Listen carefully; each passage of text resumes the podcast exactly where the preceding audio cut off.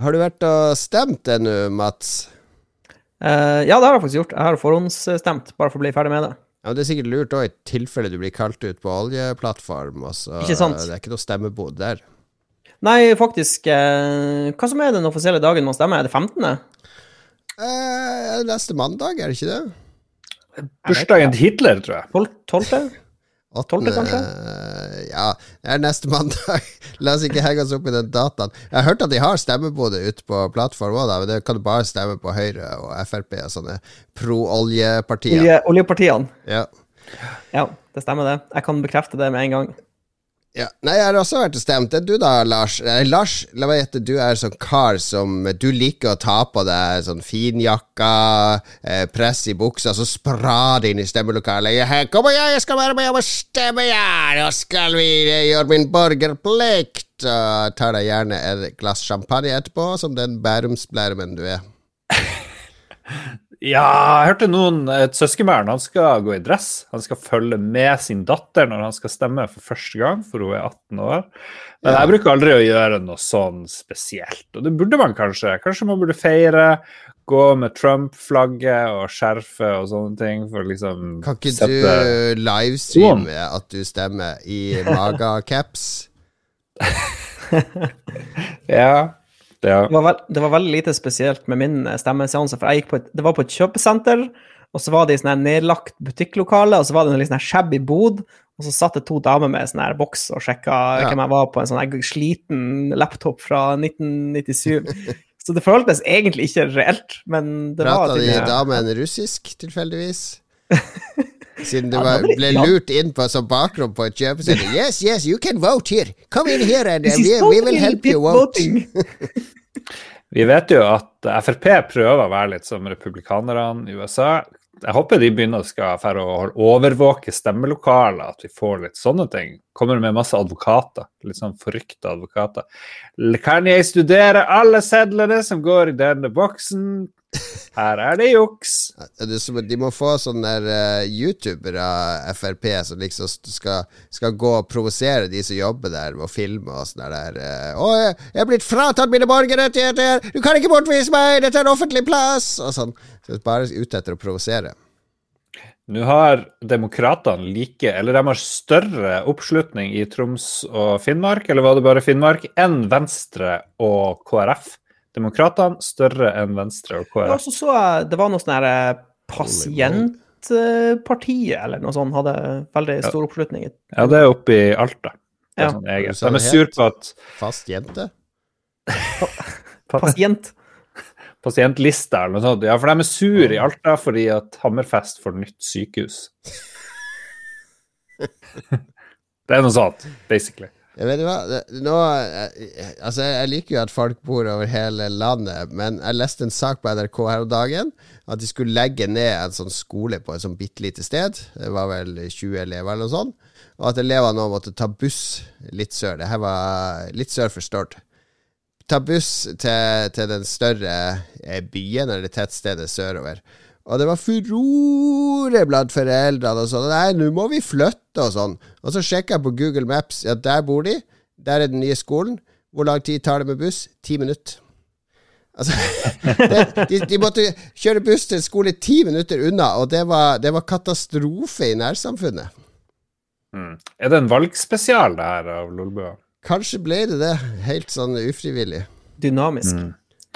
Ja, jeg lurer på hva det er med de demokratene. Jeg har ikke satt meg helt inn i det, men jeg så at en venn av min bror, plutselig demokrat, eh, en som han eh, Mats kjenner, jeg skal ikke name og shame, men eh, plutselig var det demokratene. Hva er, hva er deres greie? De er jo Er det et parti? Ja, ja, ja. De har sånne slagord 'Vi vil ha det sånn som vi hadde det før', og sånne ting. Okay. Uh, ja. Og eh, de, er jo bare sånn der eh, Alle som blir kasta ut av Frp, de går til Demokratene. Så det er jo Vidar Kleppe og en sånn gjeng. Stort hadde også, Jeg har vært og lest på hjemmesida deres, f.eks. De mener at de har den beste miljøpolitikken. Fordi grunnen til at miljøet sliter i Norge, er at vi hogger ned for mye skog. Uh, og hvorfor hogger vi ned for mye skog? Jo, fordi vi må bygge boliger til alle innvandrerne vi tar imot. Så løsninga på klimakrisen hos demokratene, det er å stoppe innvandringa, for det, da redder vi miljøet. Da hogger vi ned Ja. skog. Så det er et meget logisk parti, da. Ja. Jeg er ganske drev- sikker på at uh, det gror igjen mer skog i Norge enn vi hogger ned. Jeg hørte et tall på det. Jeg tror det er faktisk at betydelig mer som gror igjen enn som vi tar. ja, det tror jeg. Fakta er så viktig for de som Nei. stemmer Demokratene.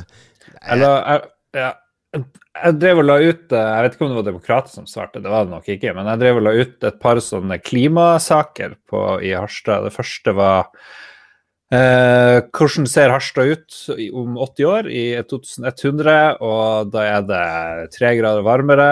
Liksom, hvis man gjør litt sånn ordentlige tiltak. Og eh, det kommer et springflo eh, hvert år. Det kommer sånn 200-årsfloe hvert år, og da stiger vannstanden med ca. to meter. Og da, da kan det være litt sånn issues i sentrum, hvor det allerede er problemer hvis det er flo. Kommer det vann inn i kjelleren på ulike bygg? Sentrum under vann hvis det er to meter Ja, jeg driver og lurer litt på det. Og så lagde jeg noen saker på akkurat der, og så ble bare masse folk bare «Mwah, ah, ah, Flo i Harstad, jeg, det kommer vel tsunami, da. Så det var veldig mange som nekta å ta liksom, det her for god fisk, da. Og det er jo spekulasjoner, selvfølgelig. Det er jo ingen som har fasit. Men det er nå det, det de mener, de her forskerne. Ja, altså, Én ting eh, burde man si om datamodeller, det er at eh, du kan ikke si med sikkerhet om 100 år. Du kan bruke trendene vi har nå, og sånn, men det er ingen som kan si hvordan noe er om 100 år. Det, er jo bare å se på hva, hva sa de i 1920 liksom, om hvordan ting skulle være i dag. De har, altså, det er jo helt umulig å forutsi. Det er, jo, er det helt umulig? Altså, Du kan bruke tallene vi har i dag, og hvordan ting er på vei, men vi vet jo ikke om vi kommer til å endre på noe. Kommer vi til å klare å fange opp mer CO2 på et vis? Ja. altså Det er så mye som kan skje på 100 år. Tenk hvor langt fram i 10-100 år er, liksom. Hvordan, men selvfølgelig må vi jo gjøre alt i vår makt for å bremse og snu den her skuta. Det er jeg 100 enig i. Ja, ja, ja. Altså, Du er kan ikke ikke si sånn er det om 100 år. Nei, men det, er sånn kan det bli om 100 år hvis, vi, Ja, det er hvis si, det er ting ikke skjer. Det er, det, er jo, det er jo det det er. Men jeg skjønner Lars går for den tabloide overskriften 'Slik skal du navigere i sentrum om 100 år! Ta med deg robot! Eller så kabler du deg ikke ned på Helga Helgalind, eller Nei, det brente ned for lenge siden. Dette er den beste kajakken om 100 år. Men eh, ja, det her er tometers springflo hvert år. Det er hvis vi begynner å gjøre tiltak med en gang. Hvis vi ikke gjør noe, så blir det mye verre. Ok, ok, nå blir debatten her Vi må, vi må ikke bli helt eh, Vi mister lyttere når vi blir for mye politikk Ja. i Lolbua.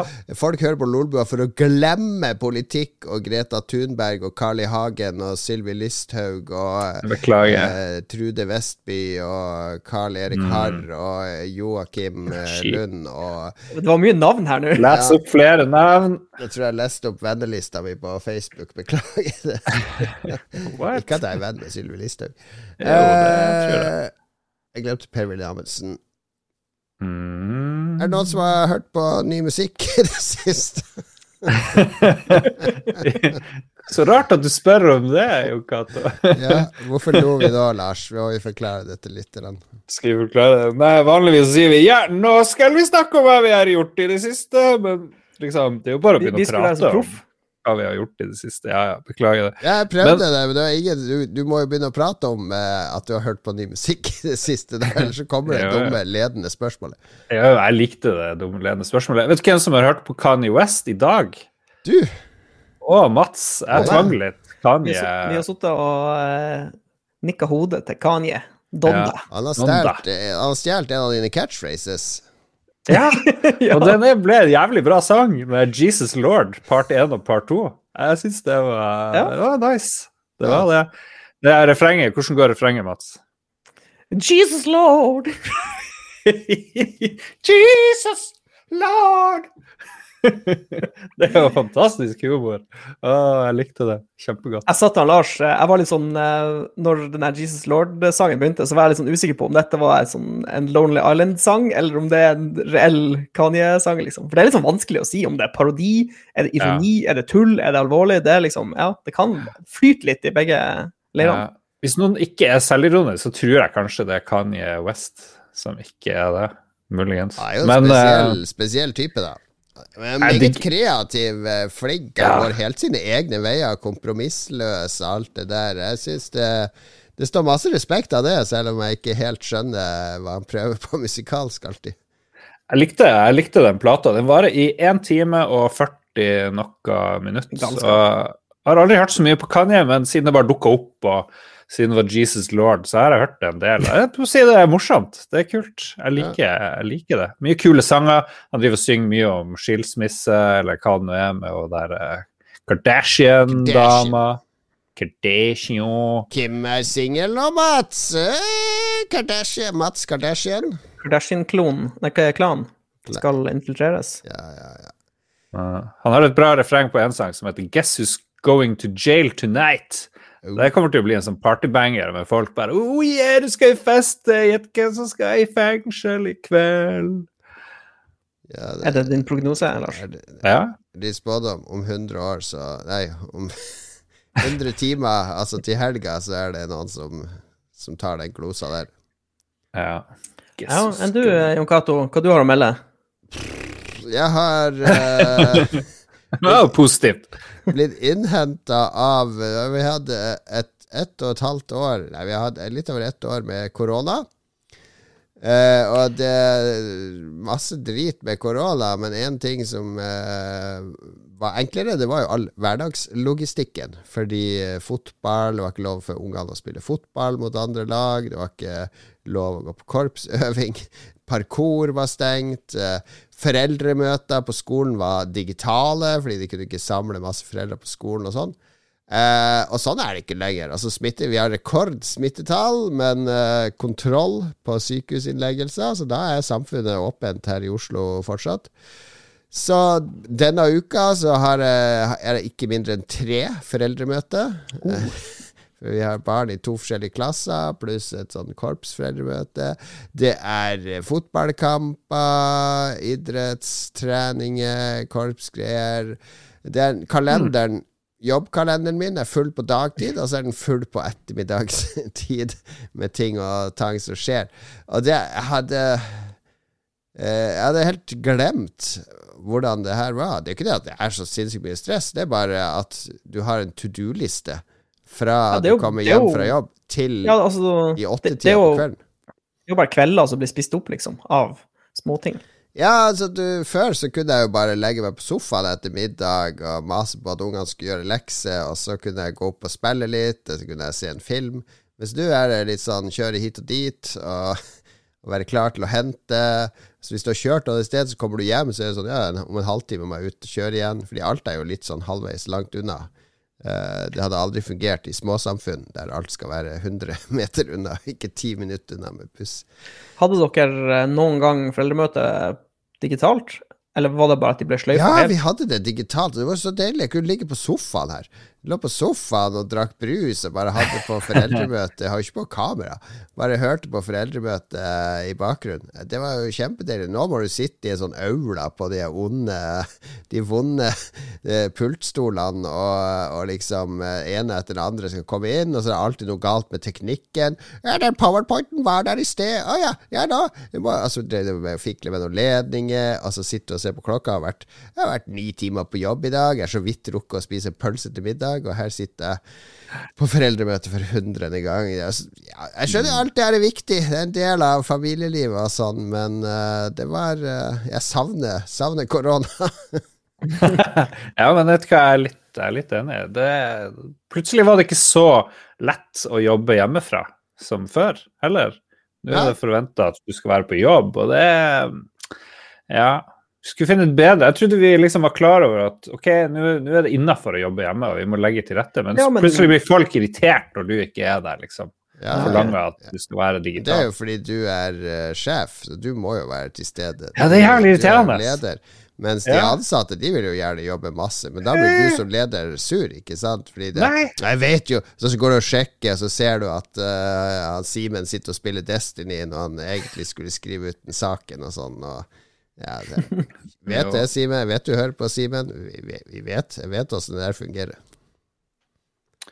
Jeg har forresten vondt i armen min, Ja, ja, for du har vært og eh, fått eh, siste dose 5G installert. Ja, du fikk i dag? Fikk Moderna. Fikk først Pfizer, så fikk jeg Moderna. Så jeg kan ikke dra til England, for den komboen er ikke godkjent. Den er Nei. ikke godkjent i USA eller noe sånt. Så jeg kan ikke velge. Men jeg vil jo ha Moderna, da, for den er vel bedre mot Delta. Men ja, ja. Litt, eh, føler meg litt uggen. I hvert fall vondt i armen. Så det blir Ja. spennende. Det var noen som sa ja, du blir jo for diaré. Jeg bare oi, diaré. Spennende. Det eneste jeg hadde, var litt vondt i armen, og ingenting annet. Det der det er overdrevet. Overdrevet. Ja, ja. ja. Og hvis du Mats? blir dårlig, så er du en f- forbanna pingle, Lars.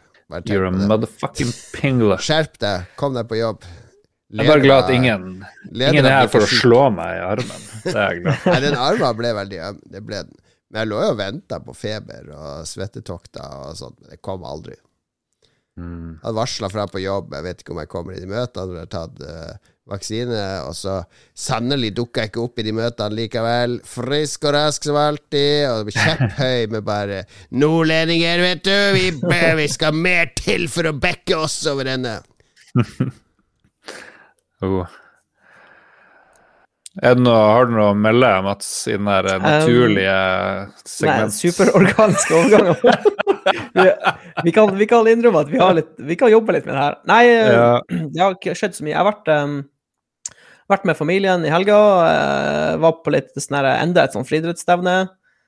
Uh, og så har jeg gjort en ting som vi kommer tilbake til senere, i anbefalingsspalten. Ja. Så jeg tenkte vi kan egentlig bare vente med det. Ja. Så blir det en liten surprise.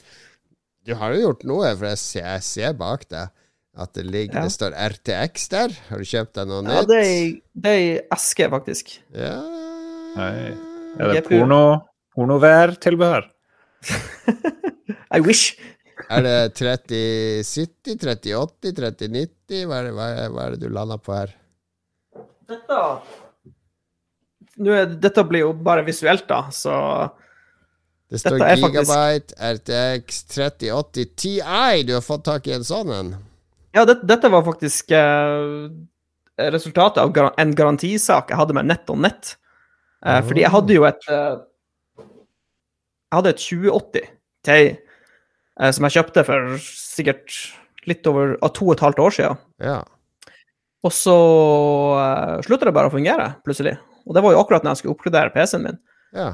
Eh, Så hadde jeg liksom mail frem og tilbake med de, og så sendte jeg inn kortet, og så har det vært på verksted hos dem. Så klarte ikke de å finne ut hva som var galt. Det fikk eh, rett og slett ikke Altså, de fikk strøm, men de fikk ikke signal til, til noen av portene. Eh, og så måtte jeg bare få et nytt kort. Så skulle jeg få et, et Asus 3080 eh, som erstatning, for det var ca. tilsvarende i pris, og det var litt dyrere da. Ja. Selvfølgelig. Det jeg betalte for 2080. Men ikke så men siden å det få var- tak i. Ikke sant? Ja. Så de klarte ikke å produsere et sånt kort.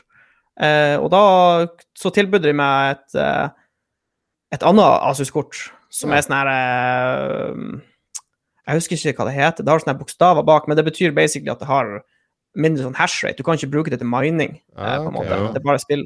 Men jeg hadde ikke lyst på et, for det, for det i mine øyne så er det et, et dårligere produkt, ikke sant? For det er Ja. begrensa. Så da sa jeg nei, det vil jeg ikke ha. Jeg vil ha noe som er like bra eller bedre. Eh, og da var det der kortet egentlig det eneste som var tilgjengelig. Så da endte jeg med det, Ja. rett og slett. Så jeg måtte bare krangle meg til det. Men nå har jeg ikke noe å ha det i, så det ligger bare der. Du kan selge jeg det. har, jeg har, jeg har en nesten en ferdig eh, PC som jeg skal bygge. Jeg mangler bare minne og litt greier. Så det skal, det skal omsider bli en, en eh, fullverdig PC. Så kjære lytter, send et postkort til Mats Johansen Trondenes. Det holder, det. Jeg vedder på at det kommer frem. Det, det holder det. Mats Johansen Trondenes, og så skriver du på postkortet eh, god grunn til at Mats burde gi hans 3080 TI-kort til deg. Så skal du se at Mats kanskje trekker en vinner neste gang. Det hjelper hvis du legger med 16 000 kroner. Da får du det rett i Bare fest med en sånn der eh, binders, så fester du 16 000 kroner i cash på postkortet. Da er du bankers og vinner Mats sitt eh, Takk.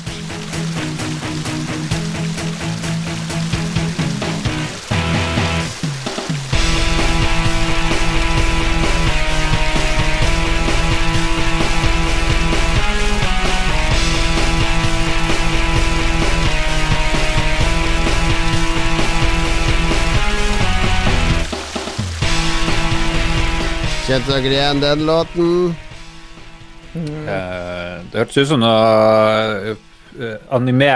Anime-musikk. Hørtes ut som menymusikken i et sånt rockband-spill. rockbandspill. Ah, dere spilte åpenbart aldri Hanna Montana på Nintendo DS. Da hadde dere med en gang hørt at det var Hanna Montana-musikken. Aha. Jeg var ikke så langt unna, føler jeg. Nei, kanskje Nei. ikke. Men uh, apropos uh, dere, Ingen har spilt Hanna Montana, men vi har spilt andre ting. Ja. Jeg kan ta mitt først. Ja, Det er eh, ikke det kjedeligste, men det er ikke det mest spennende, kanskje. Um, My god! Hva har du holdt på med? hva? Jeg bare så på sendeskjemaet hva du skulle snakke om. Ja, så det var jo sånn der eh, Destiny 2 Bungie-stream under Gamescom.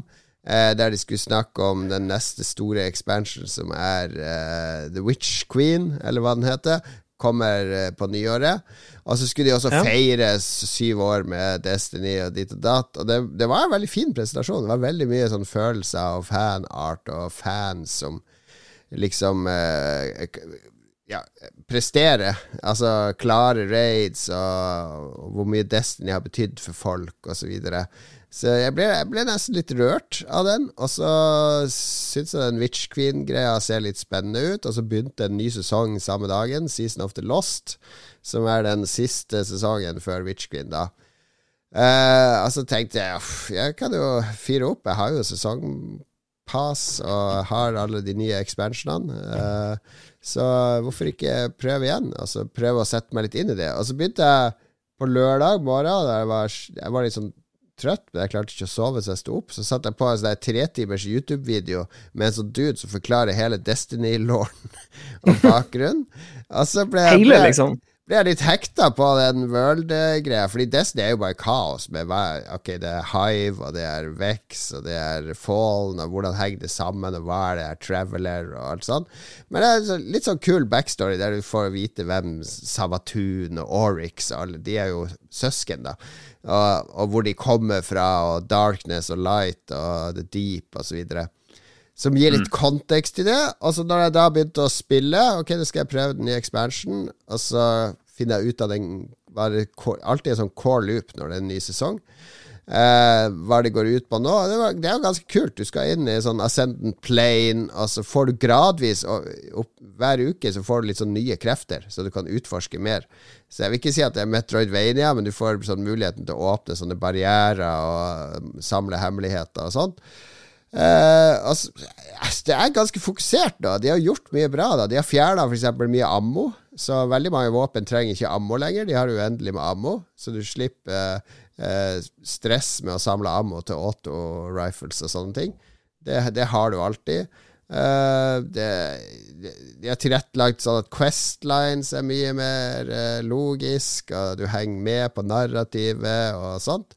Så jeg spilte og spilte og spilte, og da sitter jeg her og egentlig venter på å bli ferdig med innspillinga, for det har akkurat vært weekly reset, så det er nye oh. quests, som man kan ha ny progresjon i sesongen. Det skal jeg rett inn og teste etterpå. Så jeg, ja, jeg er blitt litt hekta på Destiny igjen. Uh, det, det er blitt mer RPG enn det var før. Det går etter god rolls, og du driver og tuner armors og, og modder ting for å fine-tune spekk når du skal jeg, jeg gjør jo ikke det ennå, men jeg ser for meg at jeg kommer til å gjøre det. For jeg har lyst til å ta de nye raidene. Det er masse raids der jeg aldri har tatt. Når min sønn Thomas dimmer fra militæret om et par uker, så kan han og gjengen lose meg gjennom alle de raidene. Jeg har lyst til å ta Walt of Glass på nytt. Jeg har lyst til å låse opp noen triumphs og titles. Og jeg, jeg, jeg har lyst til å gjøre mye. Og så har jeg troa på den Witch Queen-greia som kommer. Det, Ja. Ja. Da spør jeg bare Hunter, Titan eller Warlock? Nei, jeg er Titan, og så har jeg en Warlock, alt som jeg skal begynne å jobbe med etter hvert. Uh, Hunter er bare for uh, idioter. Det, Avvikere. jeg hater Hunter. Nei da, jeg har en Hunter liggende, så det er ikke noe Før var det jo sånn ja, Å ja, du skal lage en ny karakter? Ja, da må du spille 20 timer og levele deg opp til 30 før du får light level, og så skal du levele opp Da er det Går rett på start på denne sesongen, og så går det ganske fort å, å levele opp. eh, poweren sin. Så nei, jeg har kost meg skikkelig. Det føles jo bra fortsatt. Det er kule våpen fortsatt. Også, men det er et sånt spill som krever nå at du går litt på YouTube og researcher litt hva er det egentlig jeg bør gjøre. Hva er, bra, hva er de bra våpnene denne sesongen? Hvilke Hva er meta, liksom? Hva er meta? Ja, hvilke perks bør man gå for, osv. Skjønner. Litt irriterende med sånne spill hvor du det, Du har ikke sjans å skjønne hva som skjer. Du må på nett, og du, må, og du føler deg helt lost. For hvis du hopper inn Jeg, jeg fikk jo PlayStation 5 og Xbox Series X, og da kom det jo oppgraderte versjoner. Eller det ble litt bedre å spille Destiny, men jeg varte bare sånn ti minutter fordi field of view var fremdeles trasig, grafikken ser ikke spesielt bra ut. Så jeg tror hvis du har PC, så er det mye lettere å Ja, jeg har det jo på PlayStation 5 òg. Jeg kjøpte Beyond Light til 50% rabatt der òg, fordi jeg hadde de andre expansionene på PlayStation fra før. Altså, for da kan jeg spille Nå er det full cross-plattform, så nå kan faktisk PC-spillere spille med Xbox og, og PlayStation-spillere. Men du, du har jo også eh, Progresjonen din går jo på tvers, så jeg kan, hvis jeg sitter nede i stua og bare vil gjøre noe kjapt i Destiny, eller bare ta og, og løse noen bounties, eller grinde et par Crucible-kamper, så kan jeg gjøre det i stua på PlayStation. Og så kan jeg fortsette oppe på PC-en. Så, Men jeg, jeg merker det når jeg, det er så mye dårligere på PlayStation, fordi den field of view-en spesielt er veldig hemmende. Jeg har så mye dårligere overblikk. S- siktinga er jo helt forferdelig. Jeg kan aldri bruke handcan og sånn når jeg spiller på PlayStation. Jeg må bare spray and pray med de, de automatvåpnene. Mens på PC så det, går det i fusion rifles og handcans og alt mulig, og headshot på headshot. Destiny 2. kjenner jeg savner Destiny litt, så det er ikke mulig jeg hiver meg litt rundt òg. Det er lenge, superlenge siden jeg spilte. Typisk at vår kompis eh, Espen, eh, rocket scientisten, som har lagt igjen Han har jobba 40 timer i uka og spilt Destiny 70 timer i uka. Det har jo vært hans liv de siste tre-fire årene. Eh, akkurat når jeg er tilbake og vi kan spille cross-platform, så har han gått cold turkey. Han har hatt sånn der eh, Ja, han har hatt sånn awakening med at dette er jo bare bortkasta tid. Uh, do. yeah. All tid er basically bortkasta, vil jeg påstå. da Det er bare Du kan kaste den bort på Altså Det er bare hva du føler du får igjen for det. Men hvis han ikke føler han får noe igjen for det, så selvfølgelig så må du jo eh, droppe det. Men han Ja, hvis, han ikke, hvis jeg ikke har det morsomt, så er det jo ikke noe poeng. Men Ja. hvis han spiller med vennene sine, kanskje han har det morsomt da? Men han og hans bror er jo sånne folk som når de oppdager noe som er gøy Da skal vi gjøre det 24 timer i døgnet! Kun dette! Altså, vi, Hver gang vi oppdager et, et brettspill som de syns er kult skal, Vi skal bare spille det! Vi skal bare spille det! Altså, ja, vi kan spille det. Nei, nei, nei! nei spill det! Spill det! Og så spiller vi det så mye i sikkert 50 omganger av det spillet. Så er det sånn Nå kan vi det spillet inn og ut. Nå kan vi gå videre. Nå er jeg lei. Det spillet har ingenting mer å by på. Vi De kan ikke Ja, det er som du oppdager en middagsrett og bare kan spise den hele tida. Ja. Nei, det Jeg tror det er viktig med spill å variere og ikke brenne deg ut. Eh, Ja. Og, og ta en liten pause fra det spillet, og så spille et annet spill litt, og så komme tilbake igjen. Det, det er sånn jeg gjør det, i hvert fall. Ja. Jeg kan ikke bare spille noe i eh, mer enn et par måneder av gangen, liksom. Mm. Det tror jeg er Nei da, men kan, det er ikke noen sånn her sensasjon den nye sesongen. Den lagt, alle sesonger er lagt opp sånn at du får Det er sånn ny gjenstand som du låser opp, og så må du tjene poeng eller en eller annen currency for å gradvis oppgradere den gjenstanden, så at den gir deg flere og flere powers. Eh, og så har du er det nye ting som skjer hver uke, da, som du kan gjøre. Så Sånn sett så er det jo sånn progresjon. For Før var det sånn når det kom en expansion, så dette er det du skal gjøre de neste seks månedene. Og så ok, da, da ble du lei ganske fort, fordi det kom ikke noe nytt underveis. Mm. Mm. Så, så nei, det, er- det er gøy. Jeg jeg er spent på Witch Queen som kommer.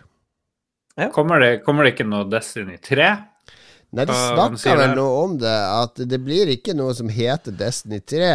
Men antagelig, etter Witch Queen, så skal de relansere hele Destiny til bare Destiny-universet. Ja. Ja. Mm. Og eh, de har jo ganske mye de har laga, så de kan mikse og matche og, og få til, men det er eh, det, det handler om å ikke ikke alienate folk som er litt casual, samtidig som du klarer å ivareta de som er virkelig inne i det. og, og Ja, for på et, på et- tidspunkt trenger du en sånn slags soft reset, hvor du fjerner mange av de ekstrasystemene og tingene du har introdusert, sånn at en helt ny spiller kan komme inn og bare starte liksom fra scratch, på en måte. Ja. Det som hjalp meg da jeg begynte, da, var fordi jeg hadde jo et Walt med 470 av 500 våpen og rustninger. Og i starten av denne expansion som er nå, denne sesong 13, 14 og 15, så gjorde de det de kalte for en vaulting. Det vil si at de, en masse items kan ikke lenger gå opp over en viss level. Så basically blir de itemene useless i metaen. Fordi de blir aldri like kraftige som de nye våpnene som kommer.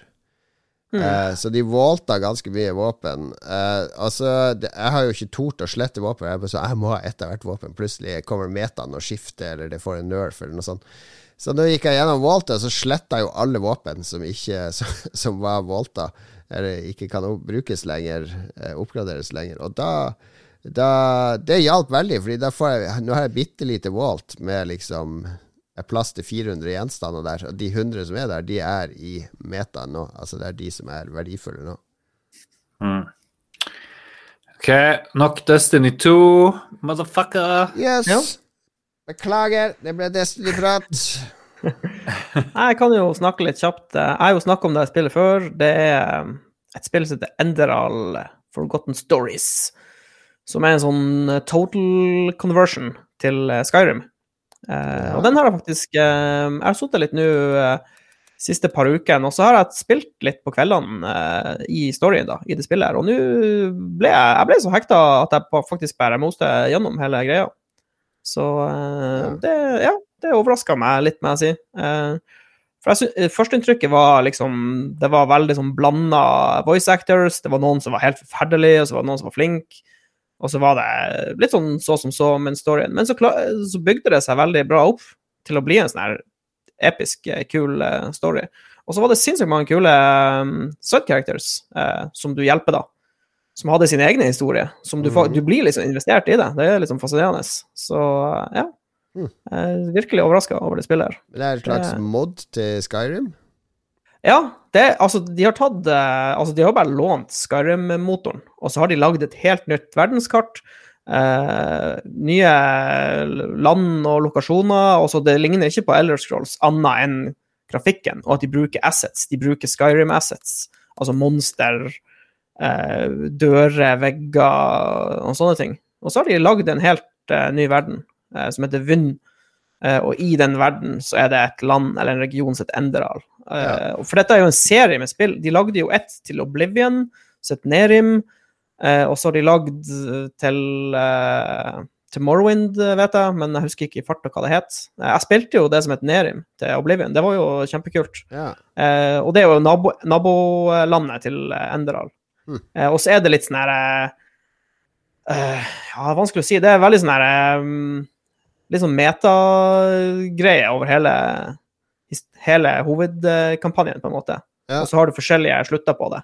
Og så er det sånn, det er veldig sånn glimt i øyet mot, eh, når du nærmer deg slutten av historien, syns jeg. Jeg synes det var Ja, det føles det føles som at noen har lagd en sånn veldig kul eh, rollespillkampanje og gjort det om til en mod i et spill.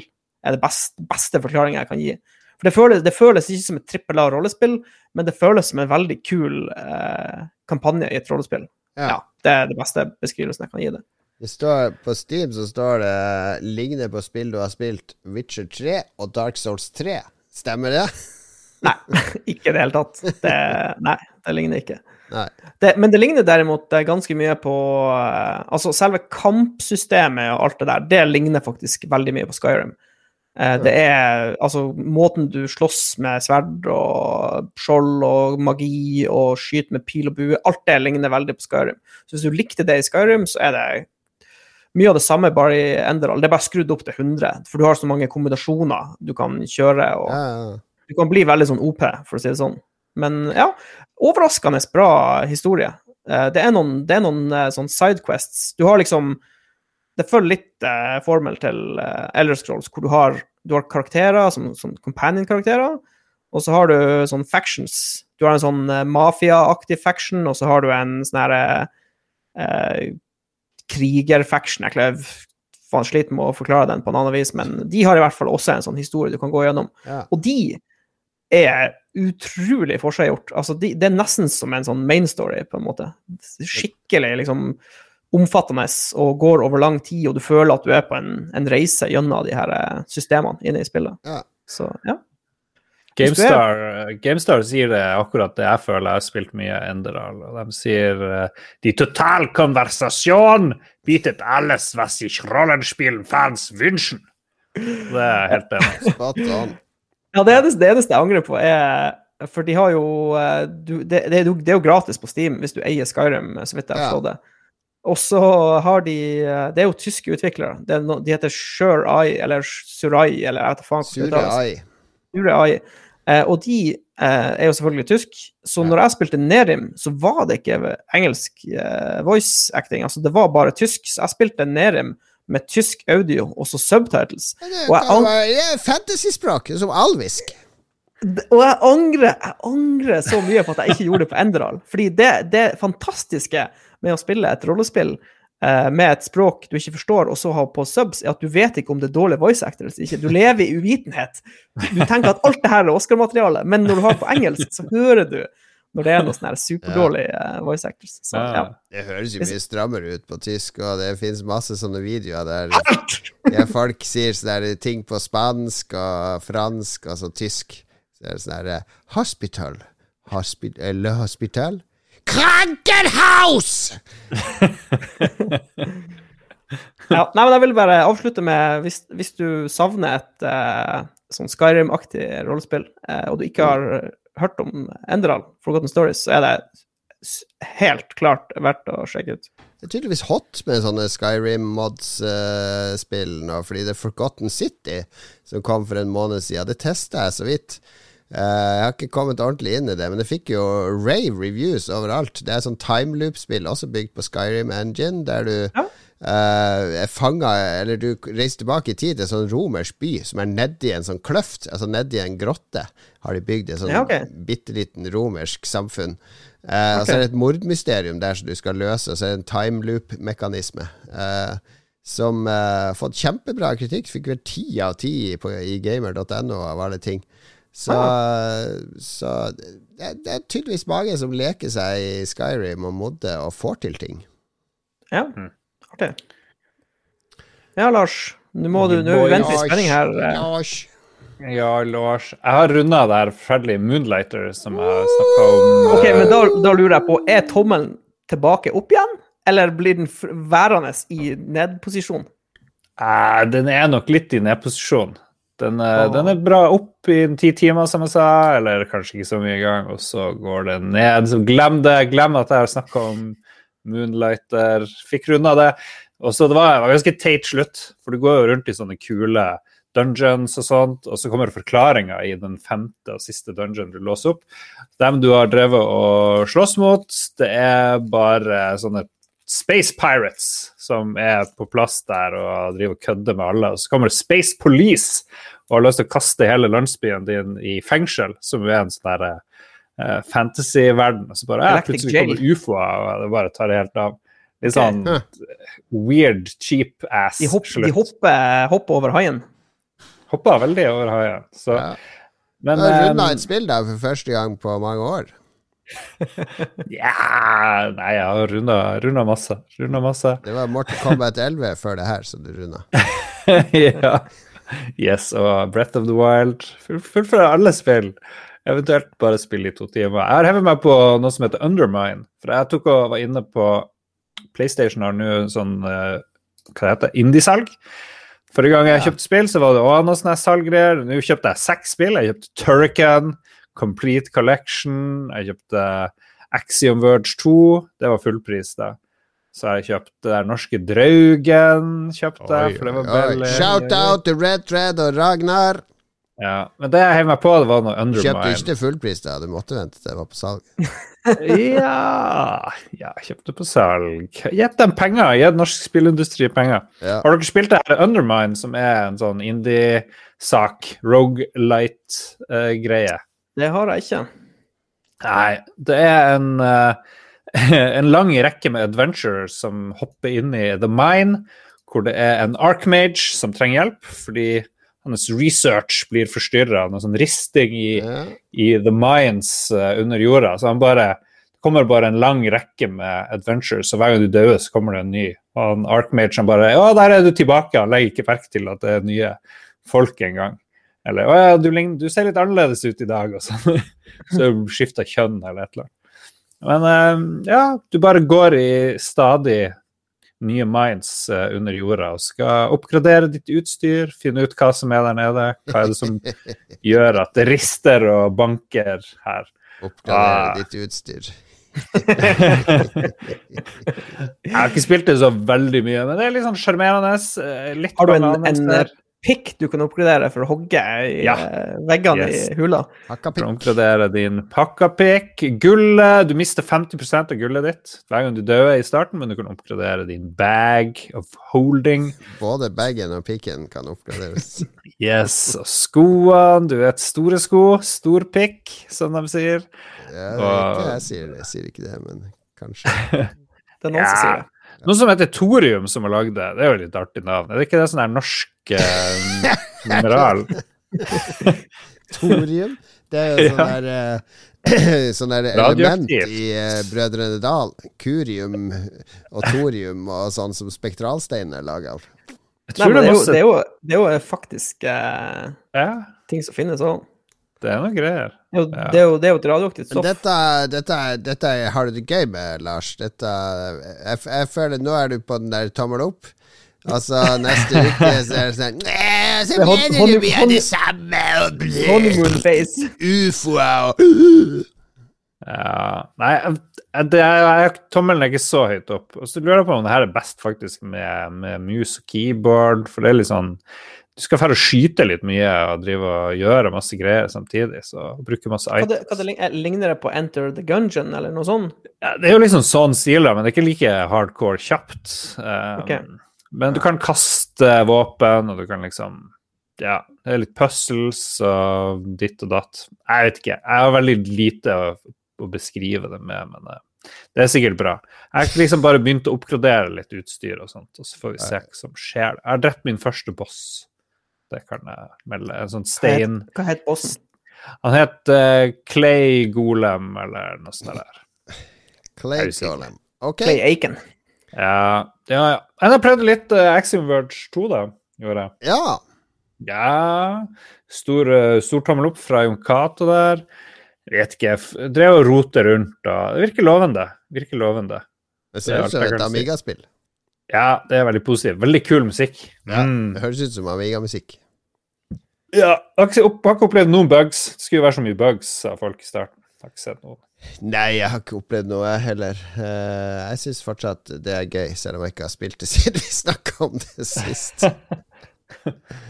All right. Men det var mye gammelt Ja. eh, denne uka. Det ble det. Beklager Ja, dette. ble det. Men uh, vet du at uh, Altså, spill er jo som film og musikk. Det er jo ikke sånn at du må bare høre på musikken som kom den siste måneden. Eh, eller se de crappy nye filmene som kom den siste måneden. Eh, jeg syns spill fortjener å bli dratt opp og frem. Og hvis du savner nye spill Litt senere i sendinga så skal vi faktisk uh, ta for oss uh, alle de kuleste spillene som kommer de neste to ukene i september.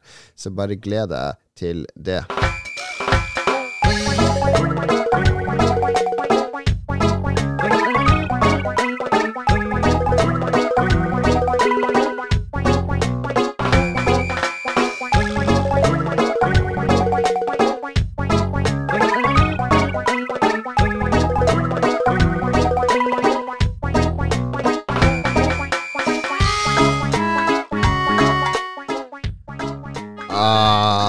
WarioWare Do It Yourself. Eh, litt relatert til et spill som kommer om et par uker, faktisk, som vi skal snakke om senere. For nå først ukas utfordring.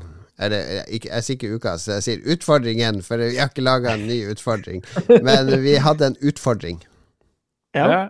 jeg var Veldig imponert over at de klarte å gjennomføre en utfordring. I hvert fall Ja. jeg og Mats. ja, det var bare så vidt. Ja. Ja. Lars har jo vært bortreist. Eh, Jeg var veldig opptatt i hele går. Men eh, så kom jeg på farsken, vi fikk jo ei ganske så bra utfordring servert fra lytterne, så jeg heiv meg i bilen og kjørte bort til Lars. Ja. Så var vi nede og handla Toro vaffelrøre, mikspose, og uh, wienerpølse fra Fan... Hva husker du det? Ikke. Fins Jeg det ikke var noe min price De, de hadde vunnet sånn smakstest. De, de hadde, hadde knekkgaranti, og så hadde de vunnet sånn smaksprøve. Sånn Det høres ut som Finnsbråten. Finnsbråten. Ja, det var noe sånt. Ja, så vi er egentlig bare for få en liten si time siden utfordringa var? Var jo rett og slett bare å spise pølse i vaffel. En klassiker fra Moss og Østfold eller Vestfold eller hva det heter Eller- der nede. Uh, Utfordringa var egentlig å, å spise skråstrek lage noe vi ikke hadde gjort før. Ja. Og det, var, det kom vi jo frem til at all, ingen av oss hadde prøvd pølse i vaffel, så det ble det. Uh, ja, og eh, det, Ja. det Jeg og var Lars mye hadde confusion. Ja, vi hadde en litt, litt sånn vi, vi har jo aldri spist det. Vi vet egentlig ikke hva som er rett uh, måte å gjøre det på, så vi angrep det på følgende måte. Vi lagde, vi lagde det på to måter. Vi lagde det ene som er vaffelvariant, og den ene som er pølsevariant, med tanke på tilbehøret. For jeg tror ikke det er innafor å ha brunost på, f.eks., men det hadde jo vi, for vi er psykopater. Du kan ha på hva du vil, bare det er pø- en pølse i vaffelen, og du spiser den som du holder pølse i lompe. Ja, men jeg tror hvis du drar på Østlandet og bestiller pølse i vaffel fra en sånn plass hvor de lager det, så tror jeg ikke du får det på den. Ok, ja. Men ja, vi prøvde både dessertversjon og middagsversjon. Og ja, hva du, hva du tenker, Lars? Nei, du var jo litt purist og delte pølse og vaffel i to. Mm. Mens jeg bare kjørte syltetøy og brunost. Eller jeg- jeg delte i to Åh. så mye at jeg Ja. ville ha en seksjon som bare var eh, sennep på, og en som bare var syltetøy på. Jeg ville ikke blande de to tingene. Ja. Jeg kjørte, og så skjærte du de i to, liksom. På et Mm. Ja. Jeg hadde én pølse, én vaffel. Halvparten fikk eh, eh, brunost og syltetøy. Den andre halvparten fikk sprøstekt løk, ketsjup og sennep. Og som en kontinuerlig rett som bare skifter smak og karakter. Ja, ja, ja. ja, ja. ja da er Ja. jeg spent. Ja. Hva er dommen her? Nei, altså, eh, jeg syns faktisk det fungerte Jeg syns begge variantene fungerte for min del. Eh, Men han Lars hadde et godt poeng, eh, og det var at hva hvis du i stedet for wienerpølse har eh, sprøstekt bacon oppi Mm. Ja, det går vafla? Ja, for det tror jeg faktisk kan fungere enda bedre. ja. Men da blir det en helt ny rett. Så det Det blir jo egentlig feil å si, men ja. Jeg, jeg syns det var helt ålreit, men jeg liksom Ja. Jeg føler at vaffel er sin egen greie, på en måte. Så Ja. jeg har egentlig bare lyst til å ha brunost og syltetøy og sånne ting. Ja, samme her. Samme her. Det beste med hele retten var da jeg kun fikk vaffel og syltetøy og brunost i kjeften, og så kunne jeg glemme at det lå en pølse der. Og det der med ketsjup og sennep og sprøstekt løk, det er jeg lei. Det er, nå er jeg kjempelei de tingene der, altså. Og Hvorfor skal jeg liksom besudle vaffel med de tingene der? Men det var helt OK, liksom. Men eh, ja, fuck det her ketsjup Ja, sennep. nei, jeg kjører bare pølse, vaffel og ketsjup. Det er min uh, go to. Jeg trenger ikke noe mer enn det. Og det jeg, jeg, jeg, jeg vet ikke om vi ble Vi, vi tok det nå fordi Philip maste så jævlig om at vi måtte ha det som challenge. For jeg har jo spist det hver gang vi har loppemarked, så spiser jeg jo pølse i vaffel. Fordi når, når loppemarkedet er over, så får vi spise opp alle restene. Og da er det alltid vaffelrester og pølserester. Så da er det tradisjon for meg å spise det med ketsjup. Så jeg er jo på det nivået nå at jeg syns det er litt Pølse i brød og pølse i lompe syns jeg er litt kjedelig. Jeg syns pølse i vaffel eh, Da savner jeg vaffel. Jeg vil ha den vaffelen i tillegg. Hæ. Ja, det, det gir jo Jeg sa det til Lars, det er jo det er jo som et slags luksusbrød, den vafla, Ja. på en måte. For pølsebrød er jo superkjedelig. Så når du får den vafla, så blir det jo liksom Det løfter jo hele Ja, pølseretten opp. syns det. Så syns jeg god eh, kombinasjon av søtt og salt og eh, Det, det, passer Ja, det overraskende bra sammen. Fungerte absolutt for min del. Men jeg, jeg kjørte bare på med sennep på den ene, for jeg hater ketsjup. Ja. Jeg, Det er litt som når du spiser burger med, med øh, hva det heter, bolle i stedet for brød. Sånn skikkelig bollebolle i stedet for brød. er det da ikke. Jo, det er akkurat det samme. Det blir en sånn luksusutgave, men så tenker jeg jeg vil heller spise bolle uten burger. Og jeg vil heller ha vaffel boller, det er ingen som har rosinbolle og putter en burger inni. Jeg vet, en Er, hvetebolle, er det liksom. brioche du liksom refererer nå, eller? Det er, det er en burgerplass på Sørenga som serverer burgere med bollebrød. Hæ? Ja, ja. På Sørenga? Ja, Hvilken ja. plass er det her? Det er sånn som Buns et eller annet, jeg husker ikke. Der Bolleburger. får du bolle. Ronnys bolleburgere. Bunsburger, Søreng? Eh, Det kalles brioche, det brødet der, eh, Lars. Ja, det er nå en bolle, da, for faen. Det er ikke bolle, det er brioche. Hva er forskjellen på en bolle og brioche? Er Bolle brioche? er veldig sånn fluff. eh, Brioche er veldig sånn fluffy, luftig, fransk Ja. eh, brødvariant. Det var en bolle. Brioche er jo det beste, beste burgerbrødet som fins. Herregud, for det. Ja, det er fordi det er en bolle. Han Lars, en enkel mann fra Nord-Norge. Hva slags burgerbrød skal du ha? Sånn der, eh, litt sånn der muglete Candabrød med sånn der korn oppå? Brioche, hva faen er det for noe? Skal vi se. Det ser jo ut som en bolle, nisse. Det er jo en bolle. Det er brioche. Brioche er det beste burgerbrødet. Rett og slett. Brioche er liksom sånn fint navn for de folk som er for pen til å kunne si bolle. Jeg er ikke bolle, jeg er brioche. Er du helt ært? Det ser helt likt ut, smaker helt likt. Nei, nå, nå Jeg så at de hadde fått uh, jeg, jeg må bare søke her nå, for de hadde fått et nytt burgerbrød på Rema. Uh, som jeg bare vekka vemmelse i meg umiddelbart når jeg så det. Eh, fordi det var laga med Skal vi se om jeg finner det her. Det fins jo ganske mye sånn forskjellig burgerbrød på, uh, på butikken. Ja. Uh, potetburgerbrød. Hmm. Potato. Mm. Nei, vet du hva. Hard pass på De har, de har kommet hatting nå. De har kommet med potato hotdogbrød og potato burgerbrød. Eh, som er laga med potet, fordi da, da mener de at da blir det ekstra saftig og ekstra mykt. ja. Kanskje vi rett og slett skal teste potato burgerbrød eh, eller pølsebrød til neste gang, så har vi en ny utfordring. Så blir det faktisk en spalte. Det blir sånn mat, matutfordring. Ja, for jeg var og kjøpte burgerbrød her og da, forrige fredag. Skulle jeg på Reva og si at der er de fine hattingbrødene der, de er jo gode. Og så bare what? Potato? No way! Så jeg la de tilbake og kjøpte noen, eh, noen eh, mer trygge i stedet. Det er sånn typisk eh, Norge-ting, det der. Med å bare få potet inn i enda en ting. Ja, ja, ja. Det er liksom Big Potato som jobber i kulissene Da Det er Lars sitt uh, researcher brioche fortsatt. Ja! Skal vi se her. Dagens Næringsliv, brioche-oppskrift. Det er jo både rundstykke og bolle i ett, sier Dagens Næringslivs. Ja. Og briocheboller, det er faen meg bolle all the fucking way. Franske boller. Du blir ødelagt av den der eh, provinsielle dama di som du kommer til Oslo med, og så går du og spiser gode burgere og sånn, og så bare Er det for små porsjoner? Er det så rart brød? Det er ikke sånn ordentlig kjøtt. Er det er sånn rar saus? Det, du har blitt ødelagt. da. Du har blitt sånn provinsiell, Lars. Før var du en, en kultivert, eh, kosmopolitisk ja. mann. Nå er du ja. beskyttende. Jeg er folkets mann. Hvor du får det her at dama mi driver og klager på alle de her tingene? Nei, jeg må, jeg, er det, Noe har forandra seg hos deg, fordi du hadde ikke reagert på brioche-burgerbrød for noen år siden. Så jeg tror dama di har eh, en, eh, en innflytelse på deg. Positiv, og kanskje det er en negativ innflytelse. Jeg er jo positiv til brioche-bolle. Du må ikke høre på det der Yoko Ono hele tida, eh, Lars. Jesus Til slutt så må vi bli Beatles og gå fra hverandre fordi Yoko og Linda McCartney har kommet inn her. Vi kan ikke sammenligne kjæresten min med Yoko Ono. Yoko Ono eh, driver og synger. Det gjør din kjæreste. ja. Ja, det er mye likhetstrekk. Jeg tror du er bare misunnelig, fordi vårt julekort var meg og deg i lag som Yoko Ono og John Lennon. Det var et magisk julekort. Var et magisk. er du redd for du at det din til- rolle Har du vist det til dama di? Og sikkert du klager på det òg, tenker jeg. Nei da, hun er kjempefan. Hva slags julekort skal vi lage i år?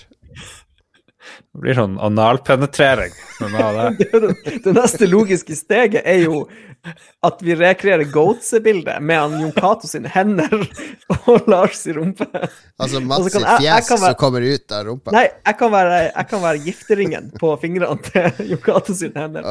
Jeg, jeg, jeg, jeg hører helt, helt nede fra Sarpsborg at nå sitter Dag Thomas og photoshopper det her. Hvorfor måtte du si det der, Mats? Hvorfor, hvorfor måtte du lage de bildene i hodet? My, my bad.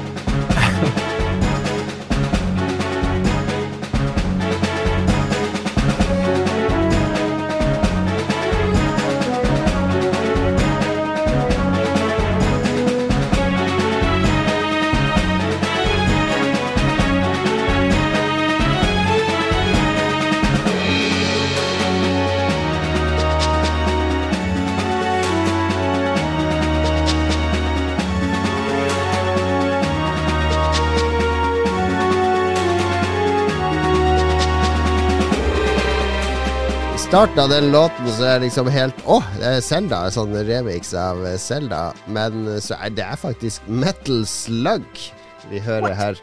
Uh, Metal Slug Attack. Uh, men eh, de har stjålet Overworld-teamet fra Selda i starten her. Oi, jeg måtte bare rape litt. Ja, jeg beklager at jeg sa så mye stygt om dama di, eh, Lars. Jeg, jeg, jeg, jeg kan ikke skjønne brioche-hat. Det, det er jo det lekreste, deiligste burgerbrødet. Jeg, liker brioche og burger mer enn eh, vaffel og pølse, da. Det må jeg si. Hvis vi ikke er ferdig med det. Men nå skal vi snakke om noe helt annet. Yes. Høstens Ja, for spill. eh, nå er det september, eh, folkens. Ja. Vi har jo hatt Ja. en sånn av og på-spalte der vi går gjennom alle spillene som kommer i den måneden vi går inn i nå. Eh, Det er jo 1. september i dag, faktisk. Ja. Mm. Uh, og jeg, jeg begynte å legge inn uh, Plukke ut Jeg har ikke tatt alle spill som kommer i september, for da må vi holde på et døgn. Men jeg plukka ut det som ser litt sånn spennende ut, det som har fått litt hype. Jeg har sikkert glemt noe, så lytterne må gjerne korrigere oss. Eh, men så fant jeg ut da det kom opp til 16. september at ok, nå har vi hva er det vi har her, tolv spill. Vi kan ikke ta hele september, for det, det blir for mye, ikke sant? Ja. Så ja, men jeg liker det. Jeg liker det veldig godt. vi, Ja, vi, vi, vi skrur på radaren vår. Vi kaller rett og slett denne spalten for bum, bum, bum, bum, LOL-radar. LOL-radaren er nå stilt inn uh, i nær fremtid. Uh, ikke hva skal temperaturene bli i 2100, men hva kan vi spille de neste to ukene? Ja, for det føler jeg vi kan si med presisjon. Vi kan ikke si hva vi spiller om 100 år. Nei. Da spiller sikkert jeg Jeg kan, jeg kan si hva jeg spiller om 100 år. Det er ikke en dritt. Jeg ligger og råtner nedi jorda. Eller kanskje er hodet ditt inni en datamaskin. Ja, kanskje du laster opp du i eh, en sånn awesome Hvis jeg eh, døde i en spilldatabase. grusom ulykke, at hodet mitt sitter ikke inni en datamaskin. uh, jeg ser at 2. september så kommer det noe jævla bilspill. Og jeg er veldig glad i bilspill, men jeg blir jo aldri å spille dem. Det er som Mortal Kombat, liksom. Ja. Ja. VRC 10, ja. Altså det står for World Rally Championship. Uh, apropos bil. For uh, så, så dere Belgia Å Formel 1 gud, for en eh. Ja. Ja. Det var krise. Jeg, jeg satt fra 15.00 til 18.00, og så måtte jeg seriøst uh, røyse meg, for jeg fikk besøk og skulle gjøre noen andre ting. Og det var tre timer av livet mitt jeg aldri får tilbake igjen. Ja, ja, ja, ja. Ja. Jeg satt på flyplassen og venta på å skulle feire nordover. Jeg hadde masse timer å vente på, så det var koselig av de her Avinor, hva det heter Vi har satt eh, folkene på øret. De er jo koselige. De er flinke å prate drit, syns jeg. Ja. Jeg, jeg ser jo på FN-TV, så der er det to briter som prater. De Ja. var eh, flinke, de òg, da. Men de, de gikk litt på tomgang etter et par timer der. Ja, ja, ja. ja. Jo da, du gjør det. Ja, For de som ikke følger med, så klimaendringene er også så kraftig at eh, Formel 1-løp blir avlyst fordi de klarer ikke å kjøre de moderne bilene i litt regn. Mm. Har du sett Flåklypa Grand Prix? Der tar han opp radar. Han Reodor Felgen woo, woo, går helt fint å kjøre i, selv om det er uh, fokk og tåke og alt. Det er det, faktisk god idé. jeg tror det er litt verre på spa òg. Det var noen, jeg vet ikke om det var kommentatorene som sa det, eller det var noen andre pundits, men eh, det var noen som påsto at med den mengden regn, så kunne de kjørt eh, noen andre baner, altså Hockenheim eller ja, Ja. et par andre baner. Men hva er galt med radar? Tes Elon Musk har jo putta radarer på Tesla i mange land. Ja. Så kan du Det går jo helt fint. Han, eh, Atle Gulbrandsen snakka jo flere ganger om sånn skvettlapper du kunne ha på bilene for å få mindre sånn spray, Ja, det er lov å si lenger? Skvettlapp? tydeligvis. That's racist. Er ikke det en redd same, liksom? Det, er ikke, det var en gammel vits. Det var, hva, hva kaller du en same som blir redd? En skvettlapp. Kjæresten min kommer ikke til å bli mer glad i deg. Det går feil vei, Jon Cato. Hun, hører på det her? Nei, ikke noe særlig. Okay. Vi får krysse fingrene. Beklager hvis jeg krenker noen. Jeg, jeg bare kom på den vitsen fra barndommen. Jeg tror faren min, faren min hadde noen sånne halvrasistiske vitser.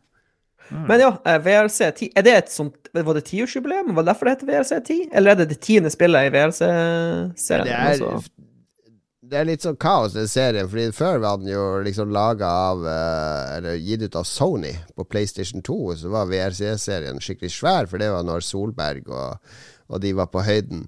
Så det solgte som hakka møkk i Norge, men nå har den blitt Uh, det er ikke Jeg spilte det forrige serien, og det er faktisk refund der på Steam, fordi det var Det er litt sånn derre Det er janky. billig. Det er ikke så janky, det er bare Det er liksom Det føles så billig. Det er sånn First Ja. Price uh, racing-spill. First Price Rally. Ja.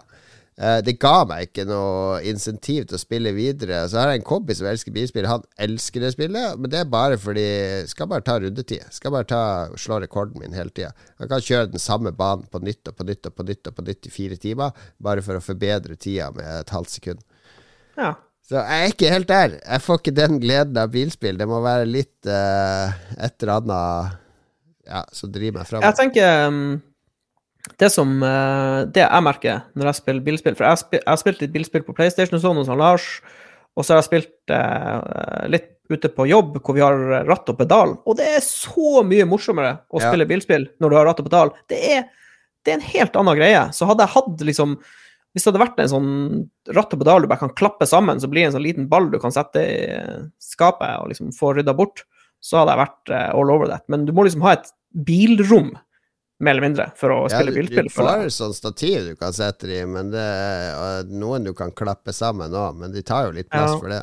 Ja, og så tar det litt tid. Det blir sånn ork, på en måte. Så jeg, jeg skulle ønske det bare kunne Ja, var en lett måte å gjøre det Kanskje VR-headset og et ratt på skrivebordet? Jeg vet ikke. Ja.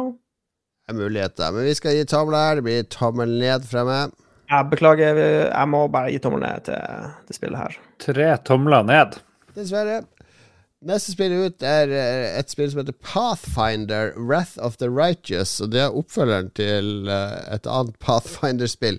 Og for de som ikke vet hva Pathfinder er eh, Det var en sånn variant av Dungeons and Dragons som kom Altså sånn kaste terning og sitte rundt et bord med venner-rollespill. Det spilte jo vi mye de siste årene. Ja, vi spilte litt og Ian Sartre var stor fan av Pathfinder. Det var, en, det var noen gutter som spilte dødsmye DOD Third Edition. Ja. Var veldig glad i det, men så hadde de lyst til å tweake det litt. Så da lagde de et helt nytt system som het Pathfinder, Ja. som mer eller mindre var DOD 3,5, liksom. Ja, fordi Eh. det, det Wizards of the Coast og TSR, eller ja, de ble jo Wizards of the Coast, kjøpt ut av de, de dreit seg jo ordentlig ut med Dungeons and Dragons 4. edition, som ble Oh, yes. eh, veldig dårlig. Og da, da var det liksom mange som gikk over til Pathfinder, som liksom Stemmer. var den som hadde ånden til Dungeons and Dragons.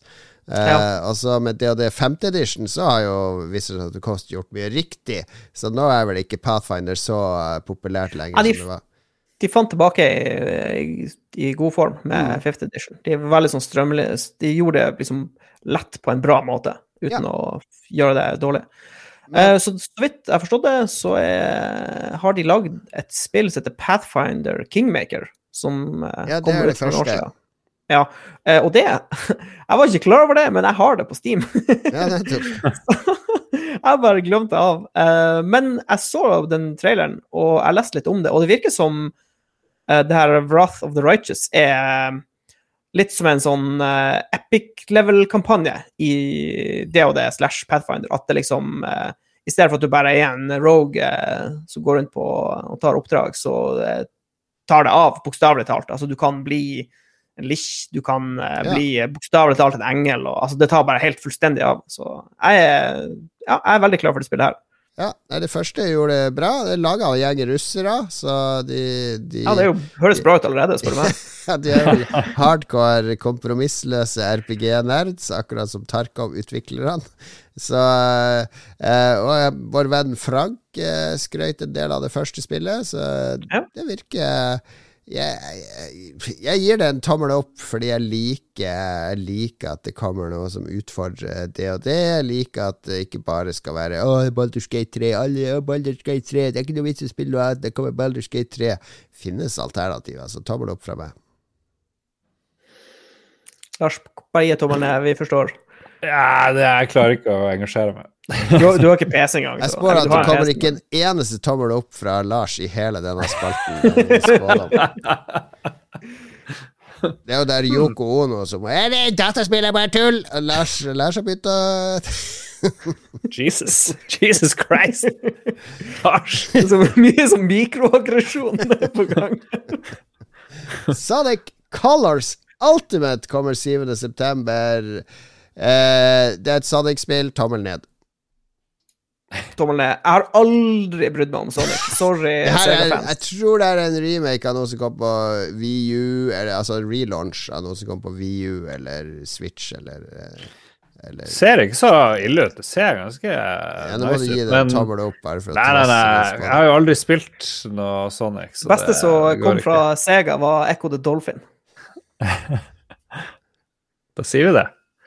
Tre tavler ned. Beklager til alle Sonic-fans der ute. Men derimot 7. september, Bus Simulator 21. Jeg, jeg, det var jeg som tvang denne med. Det er kanskje ikke det største på release-radaren til mange. Men jeg har jo ratt og pedal. Jeg har jo kjørt masse Eurotruck Simulator med gir, gir tolv gir og greier. Gira opp og ned. Eh, detacha cargo og alt mulig sånn. Og jeg jeg har veldig lyst til å kjøre buss. Jeg har veldig lyst til å stoppe inn til fortauet, trykke på knappen for å senke bussen på høyre side, trykke på knappen for å åpne døra, snu meg rundt, og så se folk eh, stime inn i bussen. Det, det virker veldig Veldig rolig. Veldig okay. salig. Det, det jeg lurer på, er hvor realistisk er denne bussimulatoren? For hvis det hadde vært en ekte bussimulator, så hadde det vært masse folk som slåss på bussen din, fulle folk, og liksom gamle folk som bruker altfor lang tid på å gå opp, av og på. Så jeg, håper, jeg håper de har de elementene med. At du må liksom Ja, ja, ja. Og bak. det er en bombe og- på bussen. Du kan ikke kjøre under 80 km i timen, ellers så sprenges bussen. Ja. Så kommer en kjekk ung mann om bord på bussen og sier at du ikke kan bremse. Ja, ja, ja. Så, sånne ting. ja. Billettkontroll.